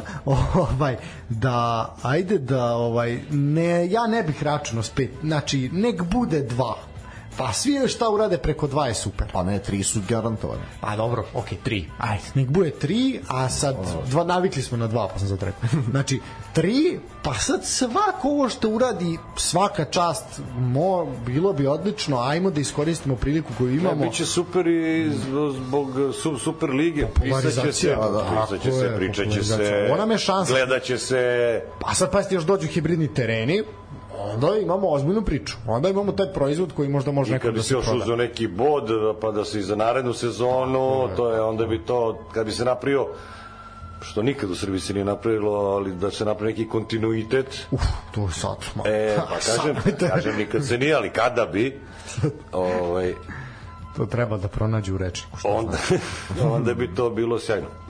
E, sad, e, za kraj samo da ispoštujemo Stefana i Božu puno pozdrava od Stefana, mladog komentatora ene velikog fana francuskog futbala e, ovaj, koji je želao da kažete nešto o francuskoj ligi, ali to nema mnogo. Evo, ovo što je stiglo pitanje za mene sa druge strane, ovako privatno, jeste e, da li su vam Seko Fofana i Karl Toko Kambi dragi igrači, ili to samo tako zvuči u prenosu? Ne, Toko Kambi mi je nedorečen igrač, ono, polovnjak eh, koji se traži, ono, i ne može se nađe nikako čovjek. Evo sad je bio u Renu, tako Renu, da. Probao je da zameni Martana Terija, što je nemoguće, momak imao sjajnu sezonu do prednjih ukrštenih ligamenata povrede. A Sekofona mi se sviđa. Sviđa mi se zato što je ono putujuća mina, on igra zadnjeg veznog, eh, često je napred, ima sjajan udarac, ono, dobar centaršut, eh, i Lans je jedna sjajna ekipa ove, ove sezone, a pritom su prodali Klausa koji im je bio najbolji asistent prošle sezone, da- dali su ga, to jest prodali su ga Olimpik e, Marseju, tako da Lans mi se baš e, dopada, dopada mi se ta njihova rudarska priča, sirotinja rudarska, ono koja navija 90 minuta, koja živi za krvavo zlatne, kako je njihov e, zvanični nadimak ono tako da sviđa mi se, sviđa mi se kako ona pravi kapiten ono namazan uh, iskusan uh, baš uh, ono dopada mi se kako igra Pa eto, i njih u eliti. Pa da. da i oni su u grupnoj, grupnoj fazi da. Tako je, i evo, o, pitanje od Bože, kaže, Nikola pitaj ga za VRC koji je prenosio, nek napravi paralelu današnje i tadašnje konkurencije među timova i, i vozačima, prenesimo moje pozdrave i zahvalimo se što nam šalje podatke koji nam koriste pred svaki reli. Pa dobro, kolege koji sada rade imaju sreću da e, postoji više vozača koji mogu da pobede i osvoje titulu. U moje vreme se znalo kad počne sezona da će na kraju ožije da bude šampion, tako da oni eto prenose, mislim, bolju A i pre fazu. toga Sebastian isto vezao. Nisam, nisam uvatio Leba, mislim, mislim da Leba nisam uvatio, jednu sezonu, ako sam uhvatio njegov, njegovu titulu. A onda je, dobro, imao sam bio izolovan incident od Tanak i to je to što se tiče ovih prenosa. Ovaj, jel, tako da oni imaju više mali Rovampera, možda će biti najbolji svih vremena kako je krenuo. Evo ga Thierry Noville, ako nosuje titul ove sezone, teško će svaka prilika ponovo pružiti. Elfinema se odličan vozač od Tanak, tako da ne može da kaže sa sigurnošću na ovaj na će pobediti ovaj jer kod Stefano kod eh, Sebastijana Žija se znalo svi greše, on ne greše, baš smo komentarisali sa Nikolom juče da je on pogrešio, rekao da je nemoguće, on ne greši čovjek, njemu, njemu, njemu auto nikad ne staje, svima pukne guma, njemu guma ne puca, ne znam, to je I bajali su mu kad je bio mali, ne znam šta se događalo. Neko je rođen po srećnim da, zvezdama. da, da. da. Pozdrav za kolegu, naravno. To je to. Moramo, moramo da završimo. Mora sok odlete. Sok odlete, da, Moramo, a, a i program ide dalje. A, prvo, zaista velika zahvalnost što ste došli ovaj, u ovaj mali provincijski grad. Ovaj, Ne, ne, nikada, nikada. Ovaj, hvala vam što ste izdvojili vreme, hvala što ste došli, uh, hvala što ste zaista onako ulepšali jedno ovaj ponedeljno veče, ovaj ponedeljak kao najodvratniji dan ovaj u nedelji. Ovaj zaista je bilo prijatno i nama dvojici ja sad pričam i u ime svih nas, ali ovaj ali vidim i po porukama negde ovaj malo ste nas vratili onako u neki romantični malo period i nešto ne samo što ste nas vratili u taj neki romantični period, nego malo ste nam dali motiv i entuzijazam možda koji je malo splasno na kraju ove sezone da ipak imamo se imamo se rašta boriti ovaj Uvek si ima nešto boriti. da i ne treba i ne treba odustajati Nikada. Tako da, s moje strane zaista velika zahvalnost i zaista mi je drago da sam vas upoznao konačno Hvala ovaj, vama i poziv, poziv uvek stoji da nam ponovo dođete. E, Nadam se prvi od mnogo puta, e, u zavisnosti vašeg slobodnog vremena. E, zaista velika zahvalnost eto uz vas neki prvi ovaj prenosi domaće lige početci odlaska na tribinu prvi tiketi kako to već ide u srednjoj školi. Tako da Nikad se nisam kladio. pa dobro mi, mi jesmo tada ali ovaj, to je ta srednja škola bila uz vaše prenose i zato mi je ostalo drago. Ovaj, velika zahvalnost nadam se da je vama bilo prijatno i da biste došli opet. Hvala na svim lepim rečima, zaista mi je bilo prijatno ovo veče i nastavite ovako, zaista znate mnogo, elokventni ste, lepo pričate, bit će nešto od vas, nadam se, i da će ovaj podcast se podići na jedan viši nivo. Hvala. hvala Ra- radimo na tom Zaista lepo. Uh, ajde, pre nego što završimo, samo kratko, imaš minut, čestitke basketašima, basketaši O, da. su šampioni, zaista, pridružujem se. zaista, to je jako lepo i eto mi A čim neko ima brkove, tu je uspeh. Mora se priznati. Jedino on Simiću iz Vojvodine, baš koji nisu pomogli, ali dobro. to je to. Ništa, ljudi, puštite brku, šta da vam kažem. Možda je u tome tajna. Ovaj, ali to je to. Pa Mišo Kovač je nosio brku. Da ja nešto kažem, tako da taj je bio najbolji. Ovaj, ljudi, uh, to je to. Kupek nastupa za nekih 20 minuta. Mi bežimo, treba se dalje raditi, treba stići na Sokol, el, kako neki koji žure, ovaj koji žive u dalekom Beogradu. Uh, to je to. Uh, laku noć. Čujemo se narednog ponedjeljka. Neko će, imat ćemo opet gosta, samo ćemo vidjeti iz koje svere, iz kog sporta će biti. Uživajte, laku noć, prijatno. Prijatno. Uviđenja.